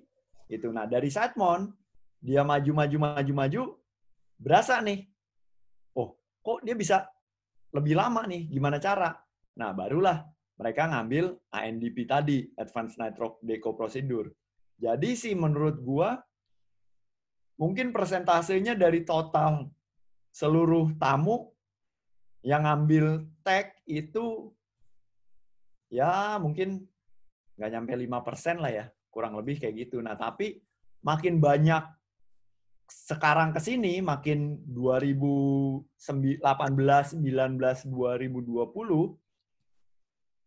kita makin punya instruktur yang udah ngambil tech walaupun dia bukan tech instruktur gitu. Jadi mereka lah yang menjadi sales force kita gitu ya kan. Jadi kayak gua role, role model gitu ya. Apa? Ya role model ya. Oh ada adik pakai alat dulu. Oh. Orang ngeliat dulu baru dia baru mau Ya, ya bisa dibilang role model, cuman lebih ke arah jadi gue bisa jelasin gitu, karena gue udah melakukan, gue bisa jelasin, gue bisa nerangin ke murid-murid gue atau ke tamu-tamu gue gitu. Jadi, oh iya tuh seru tuh kalau lu mau ini, lu bisa ngambil ini. Kalau sekarang kan kita cuman misalnya uh, di bottomnya 10 menit lah. Kalau lu mau lebih lama, lu ambil aja tuh tag. Nah, kayak gitulah. Jadi kan banyak yang mempromosikan gitu. Ya kan? Dan uh, maksudnya juga uh, kayak Rian ngambil, terus teman-teman dari Jakarta juga udah ada beberapa yang ngambil. Ini yang makin lama snowball efeknya berjalan gitu. Nah, makanya kalau menurut gua sih kan SSI juga uh, bikin program baru nih, ya kan? Si XR dan mulai mempromosikan kayak terakhir kan yang Pas Abre, Pak Cipto, Mas Pras, semua kan yang coba apa tuh SCR, ya kan? SCR Harrison. Horizon, Horizon. SCR Horizon. Kayaknya digili keputus dia. Hilang sinyal dia. mati lampu, mati lampu. lanjut aja. Ayub, Ayub, lanjut Ayub. Ya, aku baru mau nanyain Naudita sebenarnya itu di Gili rata-rata pada ngambil tag masih pakai banyakkan pakai konfigurasi backmount ya. Sekarang sih kalau gue lihat sih banyak kan yang side mount sih karena lebih simple karena uh, set back mountnya yang double nggak terlalu banyak di sana. Hmm, ya kalau kalau kayak kalau kayak di SSI kan di XR kan ada dua pilihan tuh sebelum masuk ke Advan Nitrox ke XR Nitrox atau mau ke XR gitu kan ada bisa milih kita foundationnya mau side mount atau back mount gitu kan. Iya, kalau di TDI itu pilihannya back mount atau side mount. Kalau di XR oh, memang. Ya. fleksibel kan, bisa single stage dengan eh, sorry, single back mount dengan satu stage gitu kan bedanya. Tapi banyak kan sih di Gili sih ambilnya side mount karena lebih oh, ya. ke keterbatasan uh, double tank aja nggak nggak semua tempat banyak kan. Ya benar. Kalau pakai back mount kan ribet harus pakai manifold segala lagi, harus kemudian kalau untuk kita mobile ke mana-mana ribet kan. Iya, itu aja sih masalahnya. Kalau di sana kan juga kere-kere juga gitu, mau dikata bule juga kan sebenarnya mereka cari yang simple aja. Hmm. Yang gimana pertanyaannya tadi? Udah jawab? Ada yang mau nanya lagi nggak nih? Ini kayaknya keputus nih auditannya. Oke, buat Rian deh. Rian, Ya, kita bebas aja nih ngobrolnya. Tanya silakan nih buat siapa nih. Kalau mau Keren, itu berapa lama sih uh, trainingnya? Apa pelatihannya?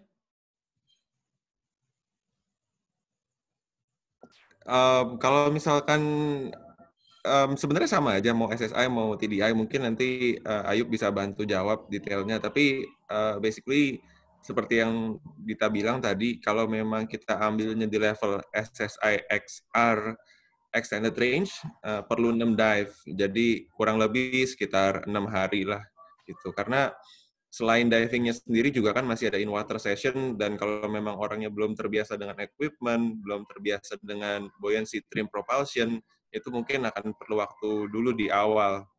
Gimana Pak Ayub? Ayub? Ya, benar itu Ya, ya tergantung sih. Kalau secara ininya idealnya seperti itu, sekitar enam Waduh, harian. sorry sorry, hilang sinyal. Tergantung kembali lagi ke ini, ke muridnya lagi. Dia masih dia udah udah bisa familiar dengan alatnya atau belum? Karena banyak yang harus di ini. Kayak contoh kalau kalau pakai twin set gitu kan. Orang kalau baru pertama kali pakai twin set, saya aja pertama kali pakai, oh, langsung nungging gitu. Nah itu yang perlu di ini lagi disesuaikan lagi. Ini ada yang nanya nih, kalau dari Cecep ini, kalau tag bisa nggak pakai BCD biasa? Kalau misalkan hanya sampai di SSI, uh, eh, di SSI XR Nitrox, masih ya, bisa pakai bisa. single back mount dengan single stage. Tapi lebihnya itu udah nggak boleh, udah nggak bisa karena kalau kita sudah perlu uh, pakai decompression stage udah nggak mungkin deh pakai BCD biasa.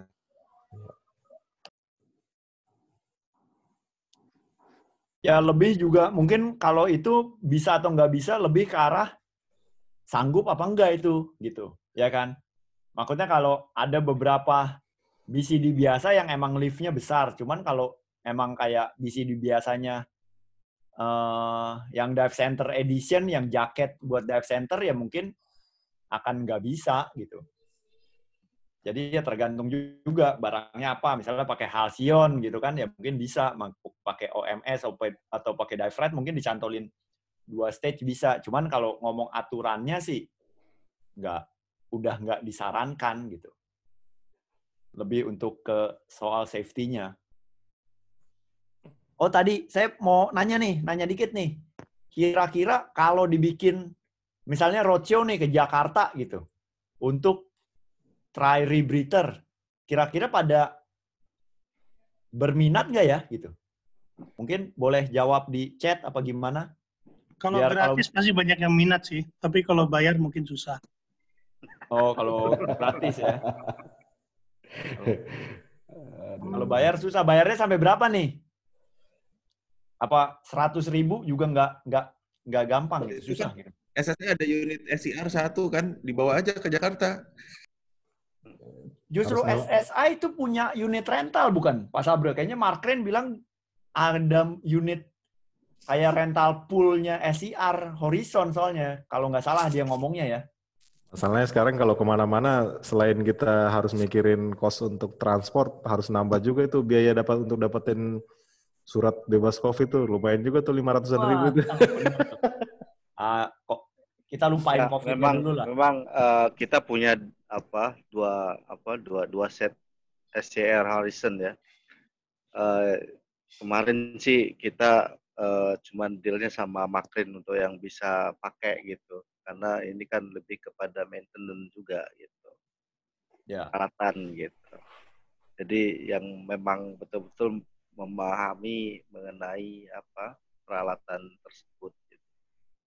jadi selama ini kita MOU-nya sama Makrin untuk hmm. bisa menggunakan uh, eh, SCR kita. Iya, tapi maksudnya teman-teman di Jakarta nih, ya jangan Ical lah, Ical mah nggak mau bayar dia. Kalau yang lain gitu. Misalnya, misalnya eh, lima ratus ribu gitu, lima ratus ribu untuk coba SIR apa satu juta untuk coba SIR. Eh kolam Kopassus bayar berapa ya? Yan? Empat ratus. Udah, kolamnya doang? Iya, kolamnya doang. Kagak ada gratisan juga instruktur. Oh, ya berarti kalau kolamnya aja udah 400 gimana mau gratis? Iya misalnya satu juta lah kita cari kolam siapa gitu misalnya kolam kolam apa sepoluan mungkin yang agak murah apa kolam ragunan lah ya kan? bayar misalnya bayar satu juta gitu pada minat nggak nih kira-kira teman-teman nih sebenarnya bisa bayar. juga dimulai dengan efek latah sih kalau makin satu produk itu di uh, apa dipakai terus di sosial media jadi kan orang latah nah dari efek latah itu baru ditawarkan untuk kursusnya. Karena kalau kita bawa barang baru nih, nih barang baru, orang disuruh nyoba pakai kan, dia kan mikir-mikir mau dipakai ke mana, nanti bagaimana. Tapi kalau udah banyak yang pakai, terus ada ketertarikan untuk coba, baru mungkin uh, mereka mau untuk bayar. Betul, itu. Ecal. Soalnya kita juga dulu di Jakarta memang CCR tuh dikit banget. Saya waktu belajar juga cuma berdua ya sama si Rendra juga setelah kursus ambil lagi advance setelah itu terus mau diving di mana? Kita pakai VCR adanya di Bali atau di Gili. Nah cuma di Jakarta. Supportnya juga terbatas gitu loh. Jadi seperti Cal bilang setelah kita coba kita kursus setelah itu kita mau diving lagi fasilitas yang menyediakan semuanya itu di mana lagi? Itu menjadi kendala sih sekarang sih. Jadi terlepas dari harga dulu sustainable nanti setelah ya. itu. Enggak, kalau saya sih bukan dari segi mau lanjut gitu, cuman pada pengen tahu nggak sih gitu ya kan. Pengen tahu gitu kan, sekedar pengen ah, pengen nyobain aja lah. Udah tahu, mungkin ribet apa bakalan susah atau nggak ada supportnya gini-gini sih. Uh, ya udah pastilah di Indonesia namanya gitu kan uh, kendala banyak banget gitu. Cuman kalau misalnya ada gitu di Jakarta, sekedar kita pengen nyoba, pada pengen nyoba apa enggak nih? Mungkin tanya yang cewek nih kali ini ya. Ini kan banyak cewek nih. Tuh. Coba Devi sama Fitri. Tuh Devi sama Fitri. Wuri dari nah, tadi aja tuh Wuri. Wuri. Oh, ini ada Wuri nih jagoan nih. Tapi ngomong-ngomong udah jam 10 loh ini waktu Indonesia Tengah. Yang di timur udah jam 11 nih. Gimana nih? Perlu kita batasi nggak nih? Lanjut aja. Kalau udah capek mah tidur. Itu ada pertanyaan. Kalau CCR dipakai untuk try out itu dengan COVID sekarang ini gimana uh, ininya? Uh, pencegahannya. Pertanyaannya belum dijawab nih, pada mau apa enggak? Jangan pertanyaan lain dulu. Iya. Uh. Gimana hmm. gimana? Ada minat apa enggak? Kalau enggak minat mah nggak usah dijawab, nggak usah dilanjutin pertanyaannya. Eh mau kok kak. Siapa tuh? Wuri Wuri. Oh, mau bayar nggak nih? Jangan kayak Ical nih. Mau, mau. Oh. Terus yang lain, yang lain wanita-wanita diver yang lain ada Widya nih. Wah Widya dari suaranya. Ini Devi, Fitri. Halo.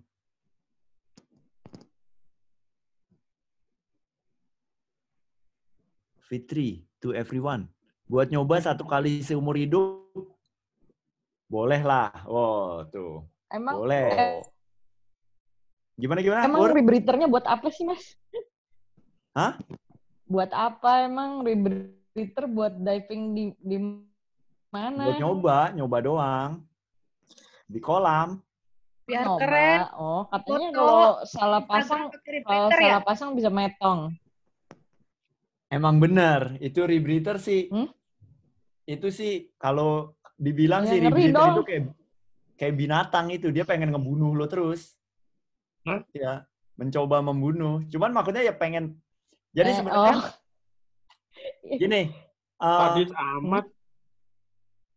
Sadis amat mencoba membunuh terus. Waduh, Pak. Beneran, Pak. Itu itu ya maksudnya gimana ya? Itu jadi nakut-nakutin tapi intinya adalah ya semua itu butuh proses gitu, butuh proses karena itu alat oksigen PO2 ketinggian juga jadi bahaya, PO2 kerendahan jadi bahaya. Kita turun kecepatan, kita naik kecepatan jadi bahaya. Nah, semua itu eh, banyak yang harus dipertimbangkan gitu. Tapi buat yang bawa kamera itu menarik banget dan jadi ada jadi saya nyelam di Gili mungkin 1500 ada kali ya 10 tahun 10 tahun di Gili nih. Jadi ini cerita nyata nih. Nah, selama ini kalau saya bawa kamera juga ikan-ikan sih bisa dekat gitu, ngambil gambar ikan, hiu dan kawan-kawan. Ya cukup dekat lah, ya bangsa 20-30 cm masih oke lah. Nah, begitu gua pertama kali pakai rebreather, itu takjub sendiri. Itu ikan diem di depan di depan muka itu diem. Dia nggak ngapa-ngapain. Jadi kayak dia nggak tahu ada kita aja di situ gitu. Nah terus pernah, nah ini Iping nih, Iping kan digili juga nih. Nah, jadi gue turun direct nih Ping. Direct, di Shark Point direct. Itu nggak ada diver lain, kita turun pertama, berdua bawa rebreather.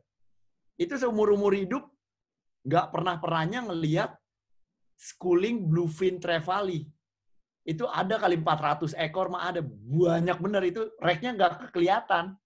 Ketutupan. Jadi habis itu ikan banyak banget. Hiu mungkin ada kali 10 ngikutin di belakang gitu. Jadi baru gue baru sadar bahwa selama Oh, iya. ini kita turun itu bukannya ikan kabur, tapi ikan yang belum kelihatan aja udah kabur Oh. duluan. Oh.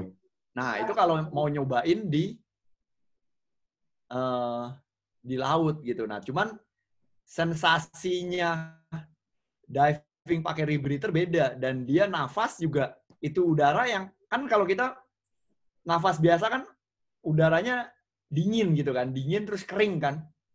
Nah, kalau pakai rebreather udaranya itu anget dan basah.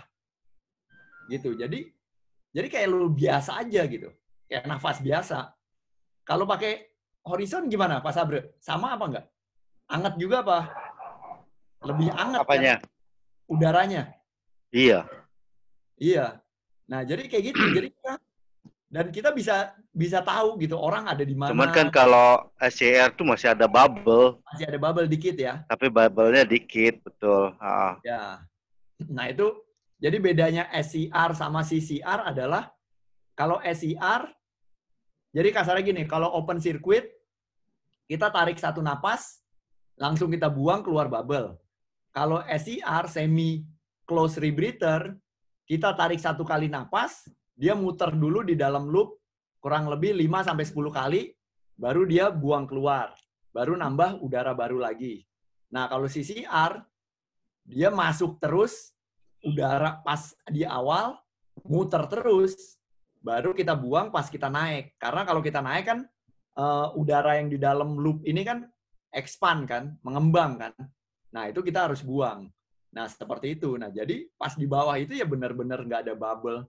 Seperti itu. Dan yang gua rasain sama ikan-ikan gede terutama kayak GT, hiu, tuna mereka itu tertarik dengan di dalam rebreather itu ada solenoid. Jadi ada elektronik solenoid.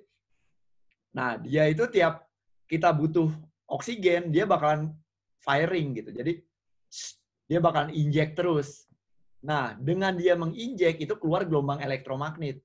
Sepertinya si si ikan-ikan gede itu jadi pengen tahu ini apaan sih. Makanya dia nggak ada bubble, keluar ada elektromagnet, mereka jadi tertarik, pengen melihat gitu. Nah itu ikan ngikutin, ikan ngikutin. Mungkin gue butuh 20 jam lagi lah sampai gue berani bawa kamera pakai rebreather. Kalau sekarang masih nggak berani deh. Itu bisa tiba-tiba naik, bisa tiba-tiba turun. Itu banyak faktor yang yang gue harus belajar dulu.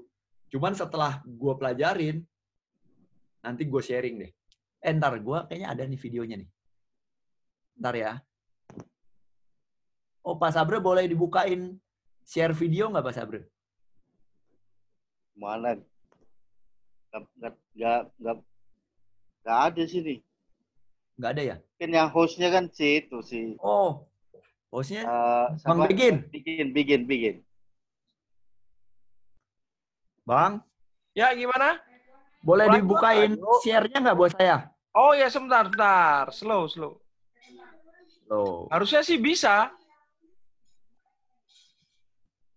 Ini harus minta minta host disable attend screen oh, sharing. tadi lo mati. Harusnya dikasih co-host. Oh. Oke, okay, silakan. Udah bisa? Oke. Okay. Oke, okay, siap, siap. Dar, dar, dar.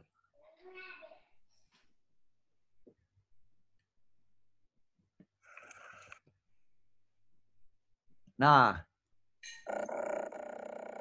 Nah ini zaman gue masih course nih. Amburadul. Dan, dan, dan. Nah jadi ikan-ikan itu nggak ke mana-mana. Ikannya diem aja kayak nggak ada orang. Berarti nih kalau dari sisi gua ngambil data ikan nih, data ikan lebih akurat dong ya? Lebih akurat banget. Nah, ini ngegantung nih. Nah, kalau tadi Pak Sabre bilang ribet, ya kayak gini kurang ribet apa lagi. Tanki gede banget kiri kanan, di belakangnya juga 34 kilo. Ya emang ribet gitu. Ya kan? Tapi ya kalau dilihat dari uh, ikan-ikannya, biota-biota lautnya, ya lebih akurat gitu. Ya kurang lebih kayak gitu sih. Gitu. Jadi ya uh, ini sih begitu nyoba sih ketagihan sih kalau udah enak. Gitu ya itu sih racun sih. Kalau bisa nggak nyoba sih jangan nyoba sih. Sarannya. Bisa aja. Ya gak? lagian dibilang suruh nyoba nggak mau nyoba. Ya mendingan kita bilang jangan nyoba deh. Ya jangan nyoba nggak enak. Gitu. Gimana nih? Ntar soalnya saya pernah ngobrol sama Makren pas Abre gitu ya kan? Kita hmm. mikir apa ya udah deh kita bawa aja nih rebreather ke Jakarta yuk gitu ya kan. Tadinya rencananya pas di kemarin. Oh, ini jadi buat display gue mau nyoba gue kita tes tes di kolam lah gitu ya kan. Tapi ya uh, waktu berkata lain gitu keadaan berkata beda ya nggak jadi deh kita. Cuman hmm. kalau soal corona ya itu bahasan lain lah. Ini cuma bahas pertanyaan kira-kira mau apa enggak gitu. Oke, ada lagi pertanyaan. Oh, Widya mau nyoba di Gili. Ayo. Nah, ini Fitri. Make rebreather bisa berapa lama? Max depth berapa meter? Nah, ini beda merek, beda juga regulasi. Cuman yang gua pakai sekarang adalah SF2 bikinan Jerman dan yang banyak digili sekarang SF2 sama merek JJ Rebreather. Itu buka dari buka dus bisa turun sampai 100 meter. Itu tanpa harus beli apa-apa lagi. Gitu. Nah, kalau berapa lama durasi rebreather bukan dimasalahin sama durasi gas yang kita bawa karena gas itu kepakainya dikit banget. Jadi contohnya saya satu jam diving 40 meter itu pakai oksigen 30 bar di tangki 3, 3 liter. Jadi pakai oksigen cuman 90 liter, pakai udara, pakai air, ya kurang lebih 90 liter juga. 30 bar doang lah kurang lebih. Tapi udara lebih kepake buat inflate di CD doang pas pertama. Selebihnya nggak kepake lagi. Jadi untuk gas, bisa dibilang kita punya gas banyak banget. Jadi yang ngebatasin soal rebreather bisa berapa lama di dalam air, lebih ke arah uh, kapasitas scrubber kita. Scrubber itu adalah uh, ya kayak filter lah.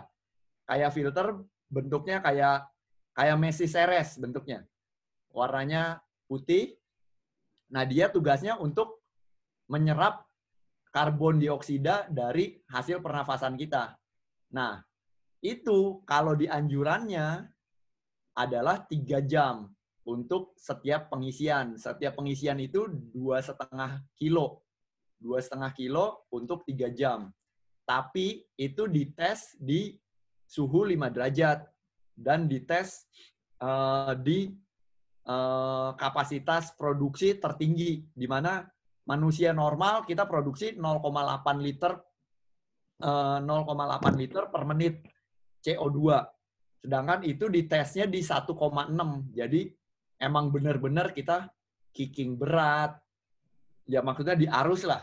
Yang kenceng-kenceng kita ngos-ngosan di suhu 5 derajat. Nah, kalau kita lebih ini ini ya biasa orang pada pakai 4 sampai 5 jam. Jadi kalau ditanya pakai rebreather bisa berapa lama? Ya 4 jam sih masih aman kalau scrubber baru. Max depth berapa meter? Nah, max depth ini kalau kayaknya world record nggak tahu berapa ya. Sekarang 300 sekian kayaknya, 300 sekian meter pakai rebreather. Gitu. Cuman kalau ini standar si CE-nya itu buat Eropa itu sekarang pada keluar 100 meter. Gitu. Tapi ya itu mah nanti lah. Kayak gitu. Gitu dan itu juga uh, nah ini Faisal nambahin tergantung kursus dan gas yang dipakai. Nah, gas yang dipakai sekarang kursus jadi kursus yang ada biasanya kayak Air Diluen Nodeco 30 meter, habis itu uh, Air Diluen Deco 40 meter sama Helitrox 45 meter. Itu yang sampai di 45. Nah, habis itu baru uh, mix gas pakai trimix 60 meter baru advance mix gas 100 meter. Nah, itu yang uh, kurikulum yang SSI juga ada, kayaknya rate juga ada, TDI ada, INTD ada, maksimumnya core sampai 100 meter kalau sekarang. Gitu. Nah, ada pertanyaan lagi nggak nih? Cep? Gor? Tanya Gor?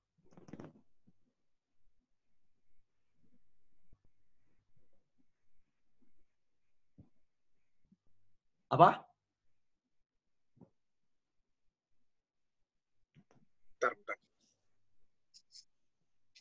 Kalau availability alatnya ada di mana aja? Availability alatnya di Indonesia ini kita mau nyelam kalau kita nggak punya alat sendiri gitu tersebar di mana aja? Ya. Kalau di Jakarta di Bubbles punya. Mungkin yang orang Bubbles tahu, mungkin kayaknya berapa banyak ya? Ada kali lima kali ya Cal ya? Di Jakarta Cal, Bubbles ya? Ya, nah kalau di Jakarta di Bubbles ada yang gue tahu.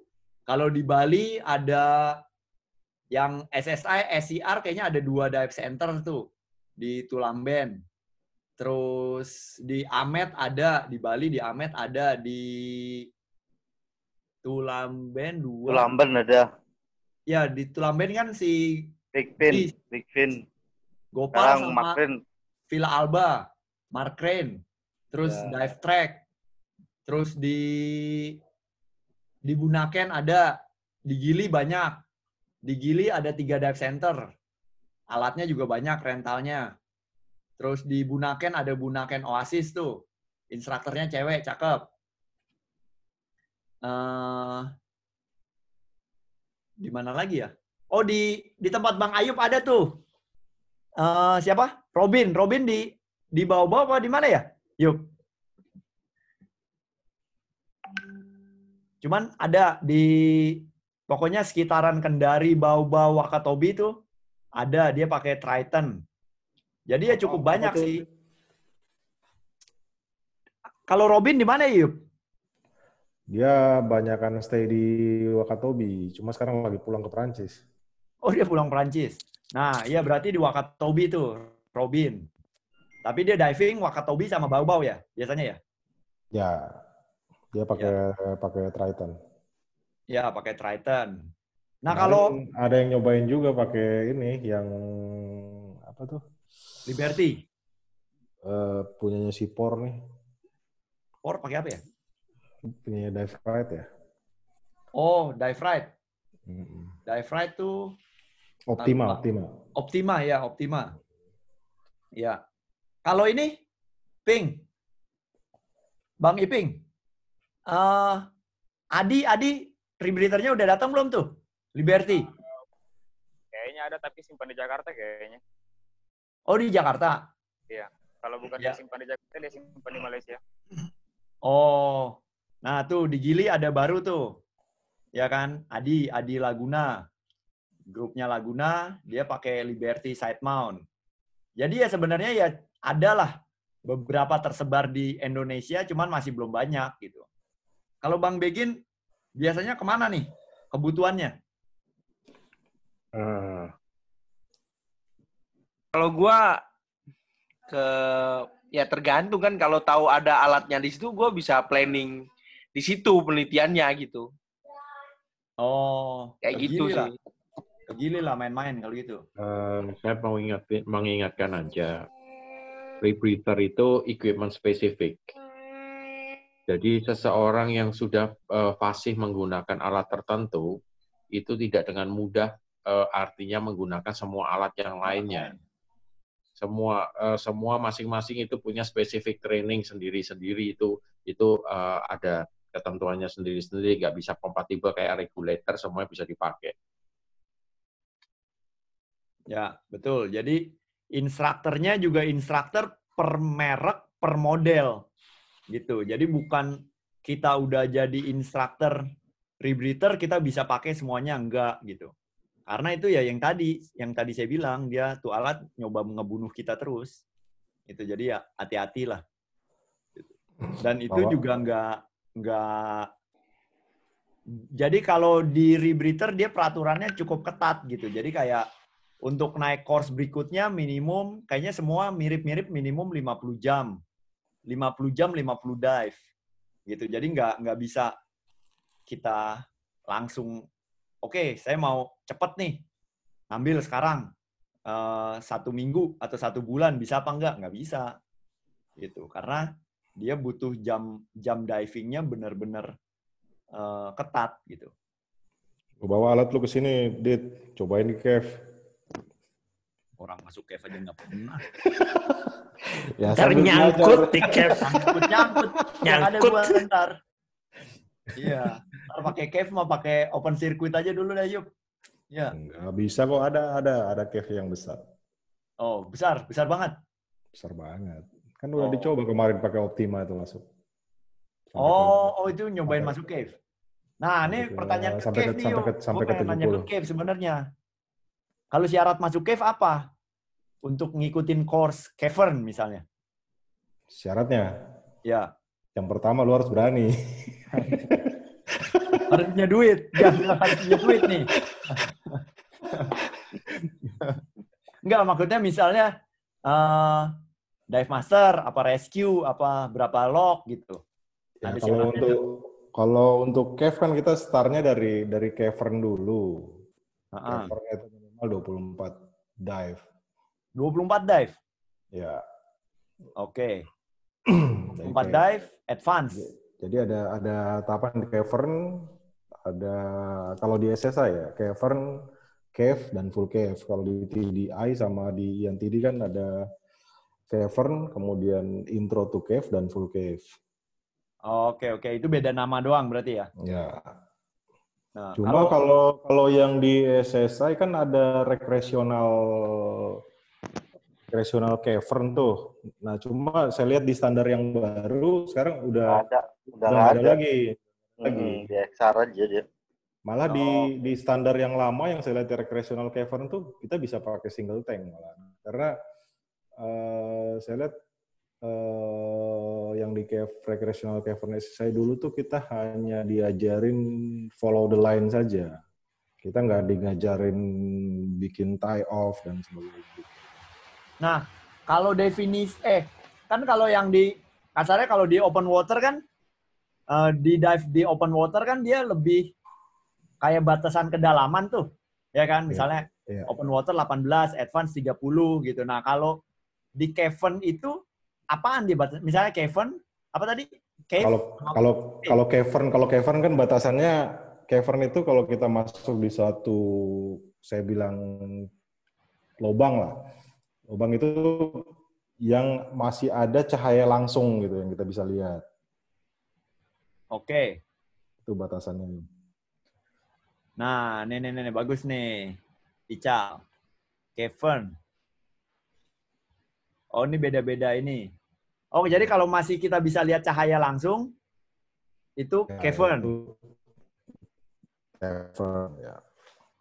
Nah, terus kalau setelah itu? Kalau sudah nggak dapat cahaya lagi, itu udah masuk ke full cave system. Cuma yang bedain antara secara skill, cavern, uh, intro to cave dan full cave, atau di SSI cave dan full cave diving, masalah skill aja sebenarnya. Oke. Okay. Jadi kalau di full cave kita udah belajar tentang bagaimana uh, loss line, loss visibility seperti itu. Oke. Okay. Dan itu dia uh, kalau kayak cave dive gitu, dia bawa apa dia deco dive juga apa enggak? Bisa aja tergantung dari tipe cave-nya. Kalau ada cave yang dalam, otomatis kita harus uh, tag dong. Oh, jadi kalau cavern doang nggak butuh tag? Nggak perlu, karena kalau kalau udah lebih dari 40 kan kadang kalau udah nggak ada cahaya lagi. Oh. Tergantung iya. tergantung tipe cave-nya sih. Ya, ya, ya, ya, ya, ya, ya. Menarik tuh, menarik tuh. Ya dulu Udah memang enggak. awalnya sekitar tahun-tahun 2000 berapa ya? 2010, 2011 karena pernah juga dulu nyelam sama Om Cipto tuh pertama kali kita bikin foto iya, di pertama ya gua, aku nggak pertama itu ada, eh, sebelumnya masih ada si Avandi ya. Oh. Saya bikin foto Om Cip. Sama Mas Afan kan eh? bikin video. Oh. Wah itu. nah, tapi gara-gara itu sekarang dulu kan kita turun ke situ belum ada apa-apa masih standar sekali kita turun aja nggak ada tangga turun masih ngesot tapi sekarang gara-gara itu udah dibikinin tangga sama pemerintah kota sini Oh, jadi itu entrance-nya gampang. Itu dari kota apa gimana? Dekat kota apa masuk hutan? Ada sih, ada yang di dalam ada yang dalam kota, ada yang memang sulit dijangkau. Om Ayub. Siap. Om. Yuk. Ya. Nanya dong.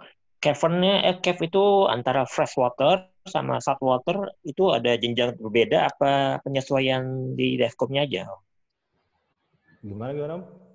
Antara fresh water sama sit sama di salt water di laut cave laut sama cave yang di di atas permukaan laut itu bedanya kursusnya beda spesifikasi certification sertifikasinya sama, beda sama aja. sama, sama sama. Oh. Sharing pengalaman dong. Yuk. Yuk. Cerita-cerita cave gitu. Apa yang lucu-lucu ke apa yang serem apa yang apa gitu bicara yang lucu kalau di cave kayaknya kita nggak pernah lucu-lucuan ya di cave. kalau bicara yang karena kalau udah bicara cave kita udah harus betul-betul serius, serius lah. Hmm. Pernah dapat Maksudnya... harta karun nggak Om? Hmm. Gimana? Pernah dapat harta karun nggak? Harta karun pernah. Pernah ada. Ya, berupa kayak keramik-keramik uang-uang kuno gitu. Cuma gara-gara ada yang tahu jadi udah banyak yang hilang. Ambilin. Hmm. Oh gitu. Waduh. Iya iya iya. Iya nih kan biar lebih me, apa ngeracun nih ngeracun orang buat ke cave. Nah kalau lu udah bisa ngajar sampai apa nih, Yuk? Kalau saya baru sampai cavern aja. Cavern. Jadi paling nggak yeah. kalau kita ke sana ada yang ngajar lah ya. Boleh lah. Iya, iya, iya, iya. Iya kan, daripada sampai ke sono Ditanyain sertifikat. Ada ada beberapa beberapa cave yang ada cavern areanya kok yang bisa dimasukin. Oh. Kita Ya, du- sekarang untuk udah- di gimana Om Cip?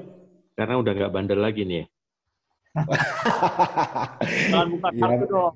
Bia- biasa lah Om Cip. Dulu tuh kan kita nggak tahu aturannya seperti apa, masuk cave masih pakai single tank gitu kan. Pas Ini tahu kan dulu bandel. tahu resikonya, wah jadi malah jadi takut. Ya makanya sekarang udah nggak bandel lagi. Tapi sih benar. Tapi sih itu gue setuju banget tuh. Karena kita tahu, jadi kita jadi takut. Benar gak? Ya Dan kan? itu sebenarnya itu bukan bukan kalau menurut saya tidak tidak berlaku hanya di cave aja ya. Kalau di di rekreasional pun kalau menurut saya lah ya, karena dulunya juga karena kita belum tahu resikonya kadang oh lari nyelam dalam gitu kan. Iya, itu dia. Itu dia. Ya kayak misalnya narkosis, kita nggak ngerti narkosis, ya kan? kita nanti pas udara belajar- juga kita nggak tahu bisa toxicity. Pas hajar belajar deep teknik. diving baru tahu, oh kayak gitu gitu kan. Iya. Ya kadang-kadang ya itu gitu. Makanya ya kalau di gua pribadi ya ya udah kita belajar aja gitu ya kan. Karena juga sama misalnya kita sertifikat ke 45, kita coba nih ke 55. Misalnya kan kayak gitu bandelnya, benar nggak? Hmm. Yang 40 ke 50. Nanti yang 50 ke 60. Nah, ini kan yang nggak yang nggak kita taunya kenapa nih gitu. Ya cuman sih ya kalau ada kesempatan kalau ada keinginan pengen belajar sesuatu sih eh, tech dive atau cave dive sih menarik gitu karena sesuatu yang berbeda menurut gue sih ya. Itu nggak tahu nih. Eh, Orian udah keluar nih Rian. Ya menurut kalau menurut Pak Sabre Sidemon gimana Pak Sabre waktu itu? Pas coba Sidemon Maksudnya apanya? eh apa beda? Apa lebih nyaman? Apa lebih lebih Ya, apa? Lebih kayaknya sih ya kayak eh, kita kan ter, udah terbiasa dengan Single tank. apa single tank kan gitu. Jadi single tank itu kita udah nggak mikir kalau nyelam kan. ya Nah, ya begitu kita begitu kita make side mount kan ya udah mulai dari apa setting alat segala macam kemudian pakai di air segala macam kemudian belum apa berenang di dalam air itu kan banyak sekali penyesuaian kan gitu jadi yang itu ya mungkin ya perlu waktu memang untuk uh, membuat kita terbiasa dan itu bisa dilakukan lebih cepat. Saya kan kayak kemarin kita kan trainingnya di apa di daerah Tulamben tuh. Eh, dua day pertama kita dari entry. Ya. Tantangannya berbeda kan? Ngangkatnya Nah, susah. kemudian ah, nah kemudian yang ketiga kita pakai boot jukung itu kan. Tantangan juga berbeda gitu loh dengan pakai side mount. Jadi sebenarnya challenging sih semua jadi perlu waktu untuk menjadi biasa gitu aja sih Nah, kalau saya sih sepakat banget tuh, makanya jadi dulu saya ngambil ngambil skuter skuter sama Mark Rain kan di Amet tuh. Terus ditawarin tag sama dia. Nah, ini buat teman-teman yang mau ngambil tag ada satu tips nih dari saya nih. Kalau bisa pilih yang boat dive deh. Jangan yang jangan yang shore dive. Pegel itu ngangkatin tanki banyak-banyak banget tuh. Ya kan? Kalau Tulamben Amet kan ngangkat sendiri kita. Apalagi kayak di cave nggak tahu deh tuh ngangkatnya gimana cara tuh. Nah kalau bisa boat dive deh. Gitu. Ya. Oh sebenarnya nih ada saya mau nanya nih bang Igor nih. Gor ceritain soal weh dong Gor. Sopi Sopi berapa dalam mana Igor Igor di mood nih Pan. lagi pakai cerutu dia Pan. Ceritain Sopi, Sopi, berapa dalam? Sofi. Ya. Sofi bottom atas kapalnya sih sekitar 42 sampai 45 tergantung pasang surutnya. Ya. Ketemu dek awal. Terus eh, karena dia agak Miring. slow itu mungkin nah, bottom depannya mungkin sekitar 60 lebih ya. Bottom Gitu. depan Oh itu Depan. jadi pantatnya di atas? Uh, depannya yang di atas, pantatnya belakang bawah. Oh, oke oke oke. Hmm. Ya, Jadi kurang ya, lebihnya ya. seperti itu. Nah, kalau di sana dulu pada nyelam single tank R. Ya, single tank ke R semua itu itu. Single tank R sama nekat juga. Nekat, regulator juga low end ya. Ya, rental punya standar. Tapi guide twin tank, enggak? Guide bawa bawa apa? Bawa stage. Sama gantung tabung juga di 12 meter. Kalau ketemu, kalau enggak, enggak nganyut tabungnya. Ketemu, karena kita standarnya entry exit-nya di tali. Oh, ada ada talinya. Iya, karena dia di blue water, jadi nggak ada reference uh, coral. Jadi blue water ya emang pakai reference line untuk turun naiknya. Nggak ada arus, arus, arus? Arus suka ada, tapi ya masih karena ya area mainnya nggak terlalu jauh karena terbatas waktu itu ya. Ya. Keterbatasan waktu di bawah. Enggak, maksudnya uh, posisinya di open ocean apa di teluk apa gimana sih? Gue belum pernah sih. Di teluk. Di teluk, oh. di teluk. Jadi agak, agak tapi harus suka ada. Agak aman lah paling enggak ya. Iya. Iya, iya, iya. Nah, yang kayak gini-gini gitu, maksudnya sih serunya sih seru gitu, cuman resikonya nih gitu ya kan. Resiko. Ya, kalau pengalaman sih nitrogen narkosis ada ya, apalagi kalau buat kamera terus DSLR intip dari viewfinder atau pandangan terus suka jadi mengkucut.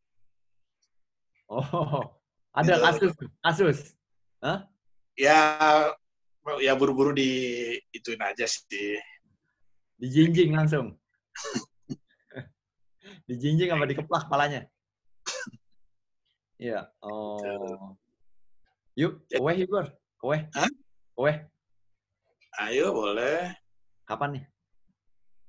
Ya, tunggu semua lewat dulu lah tunggu duit masuk dulu sih. Ya betul. ya, ada lagi nih. Iping dong. Curhat ping, eh curhat. Sharing, sharing. Hah? Sharing, sharing. Bingung bang, mau sharing apa? Sudah terwakili sama Ayub semua. Wah, apa kek? Apa kek kan pasti ada lah kisah kisah kasih apa Eh, cerita-cerita. Uh, helper, bang. Hah? Saya cuma helper tabung aja, Bang.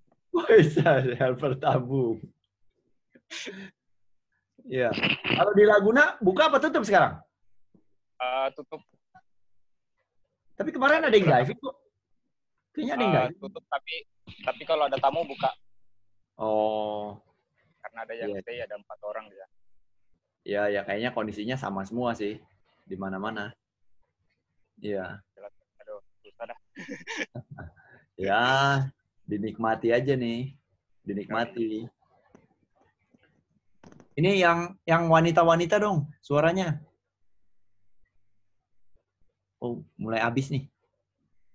Siapa lagi nih? Wuri, Wuri. Wuri. Wur, cerita Sidemon dong, Wur. Razor Sidemount Diver nih? Lah, biasa aja. Nggak ada yang bisa diceritain, Kak. Masih pemula saya. Nah, kalau pemula kayak lu gimana kayak yang baru mula? Enggak lah. Iya. Udah berapa lama, Ur? Pakai Sidemount, Ur? Belum lama kok. Uh, tahun berapa ya? Dua tahun? Mungkin dua tahun lalu. Ya lumayan lah. Lumayan. Enakan pakai backmount apa sidemount, Ur? Sama aja. Sama aja. Ya kalau kelebihan kekurangan deh, kelebihan kekurangan.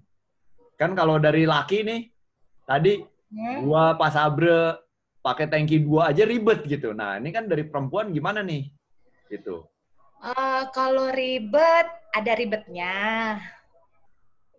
Uh, mungkin kalau dibandingin sama backmount, ya pasti akan lebih ribet dengan eh kalau dengan backmount pasti akan lebih ribet dengan setmount karena persiapannya akan lebih panjang.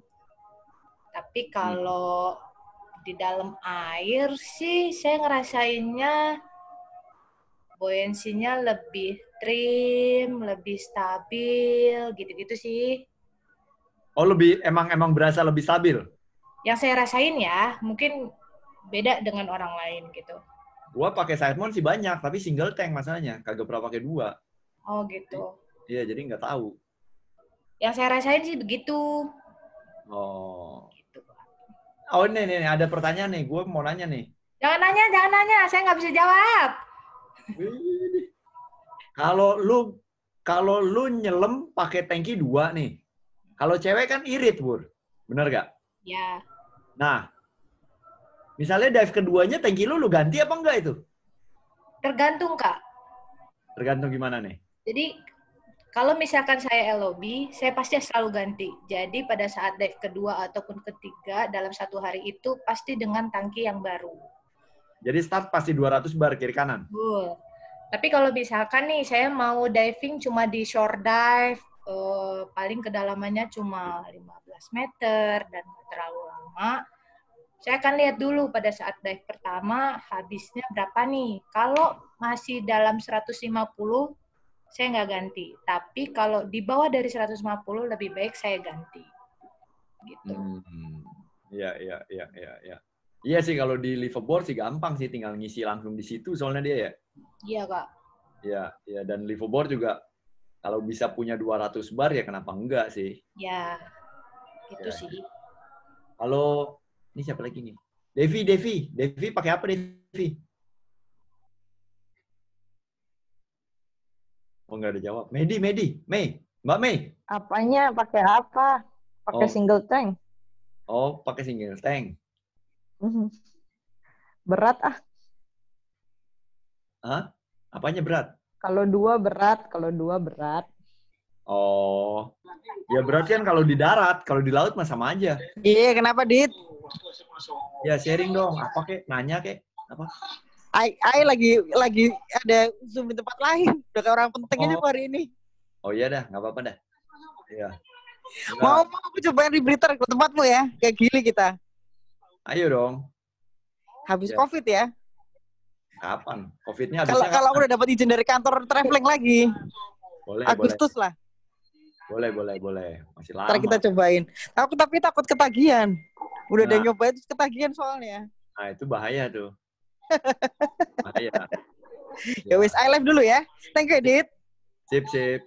Stay safe, yo, bye. Emang emang side mount buat buat keunggulan yang paling penting itu apa sih keunggulannya? Nah, Pur, jawab Pur. Ini yang side mount diver lu doang, Pur, kayaknya, Pur. Gak lah, masa Ya kelebihannya, kelebihan yang lu rasakan tuh ditanyain. Ayolah, bagi-bagilah. pengalaman aja ya. Iya, pengalaman. Pada saat saya pakai Sidemon ya, Nah, koreksi kalau salah nih. Pengalaman saya pakai Sidemon, buoyancy lebih stabil. Terus kalau eh, kelihatan lebih keren. ya itu di foto keren. Oh, Terus kalau ap- tuh. apa namanya? Kalau lagi karen, Lebih enak apa kadang-kadang enggak? Lebih enak kadang-kadang. Tapi nggak tahu ya pengalaman yang lain. Misalnya kalau lagi ngedrift tuh, kalau lagi ngedrift eh nggak goyang aja gitu. Tapi ya kadang juga goyang sih. Kalau musiknya bagus ya? Tergantung musik. Mungkin yang lain lah yang punya pengalaman, jangan saya. Ya siapa? Nggak ada lagi. Saya mau nanya, aku saya mau nanya boleh. Jangan Pak Cipto, Boleh, saya Pak. saya Ayo, Pak. mau- Saya mau jawab ya.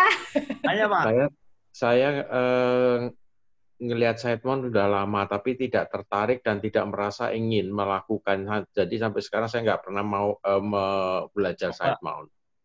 Waktu anak-anak eh, Sabre pras belajar side mount, aku juga nggak mau ikut. Yang saya mau tanyakan adalah seberapa rumitnya side mount kalau dibuat motret, apalagi kalau motret makro. Nah, itu mah jangan dipakai, Pak. Susah. Oh, jangan dipakai. Itu pasti tuh. Oke. Iya, kayaknya sih susah. Saya sih nggak pernah nyoba tuh. Saya juga nggak pernah nyoba Pak, karena saya juga nggak motret. Gitu. Ah, kamu di potret mulu soalnya ya? Iya, jadi saya belum tahu Pak, belum pernah ngerasain. Betul. Ada nggak yang yang pakai side mount buat foto-foto? Harusnya tadi ada tuh Ayub. Oh iya, Ayub mana? Atau Iping. mungkin Iping, Iping. Iping kan sering nemenin tuh diving orang yang pakai side mount terus motret atau ngevideoin atau misalkan pada kalau saat video nggak masalah video video harusnya nggak nggak masalah. Kalau kalau makro sih mungkin belum pernah nyoba juga ya tapi kalau uh, wide kayaknya bagus ya pakai Edo Edo yang pakai side mount pakai kamera gede ya? Iya. Kalau menurut Edo sih dulu pernah tanya-tanya katanya pak lebih lebih bagus. Lebih enak tapi ya mungkin Iya, tapi mungkin karena dia tidak takut kehabisan udara kali. Ya. Oh, oh iya benar juga. Itu sih, itu Pak. Kalau yang saya lihat di be, ya beberapa kali saya naik liveaboard, itu banyak side mount diver itu orang yang badannya gede, yang udaranya boros, hmm. gitu. Alasannya mereka karena dengan side mount dia bisa bawa dua tangki. Jadi lebih aman di udaranya gitu. Makanya tadi saya nanya Wuri nih, kalau dia udaranya irit, tangkinya nggak kosong-kosong, diganti apa enggak tuh dive kedua gitu. Cuman yang saya tangkap sih gitu, saya dua kali ketemu orang di liveaboard bawa tangki dua, ya dia bilang ya kalau kalau saya nggak pakai tangki dua, uh, divingnya cepet. Kalau saya mau bawa tangki dua, backmount nggak ada twin set. Ya side mount lah paling gampang dia bilang. Oh masuk akal sih. Gitu. Nah, kalau begitu saya perlu perlu. yang perlu iya. Benar, makanya hmm. saya pakai side mount single satu. Side mount single buat apaan? Biar bisa belum menemukan masuk ke tempat sempit gitu. Belum menemukan pasangan yang tepat. Mungkin, side mount pakai pakai nitrok itu lebih bisa bottom time-nya lebih panjang ya. Karena kan kalau misalnya ya. kita irit udara, kalau bawa terlalu banyak banyak kali dipakai juga ribetin aja lebih baik pakai satu. iya. iya benar. Iya. Tapi sih ya mungkin masuk akal juga dengan dia tangki kiri kan jadi dia lebih stabil yang kayak kata Wuri bilang sih ya. Ya juga, mungkin harus dicoba nih side mount bawa dua, dua. Gitu. Kalau saya side mount bawa single, masangnya lebih cepat gitu.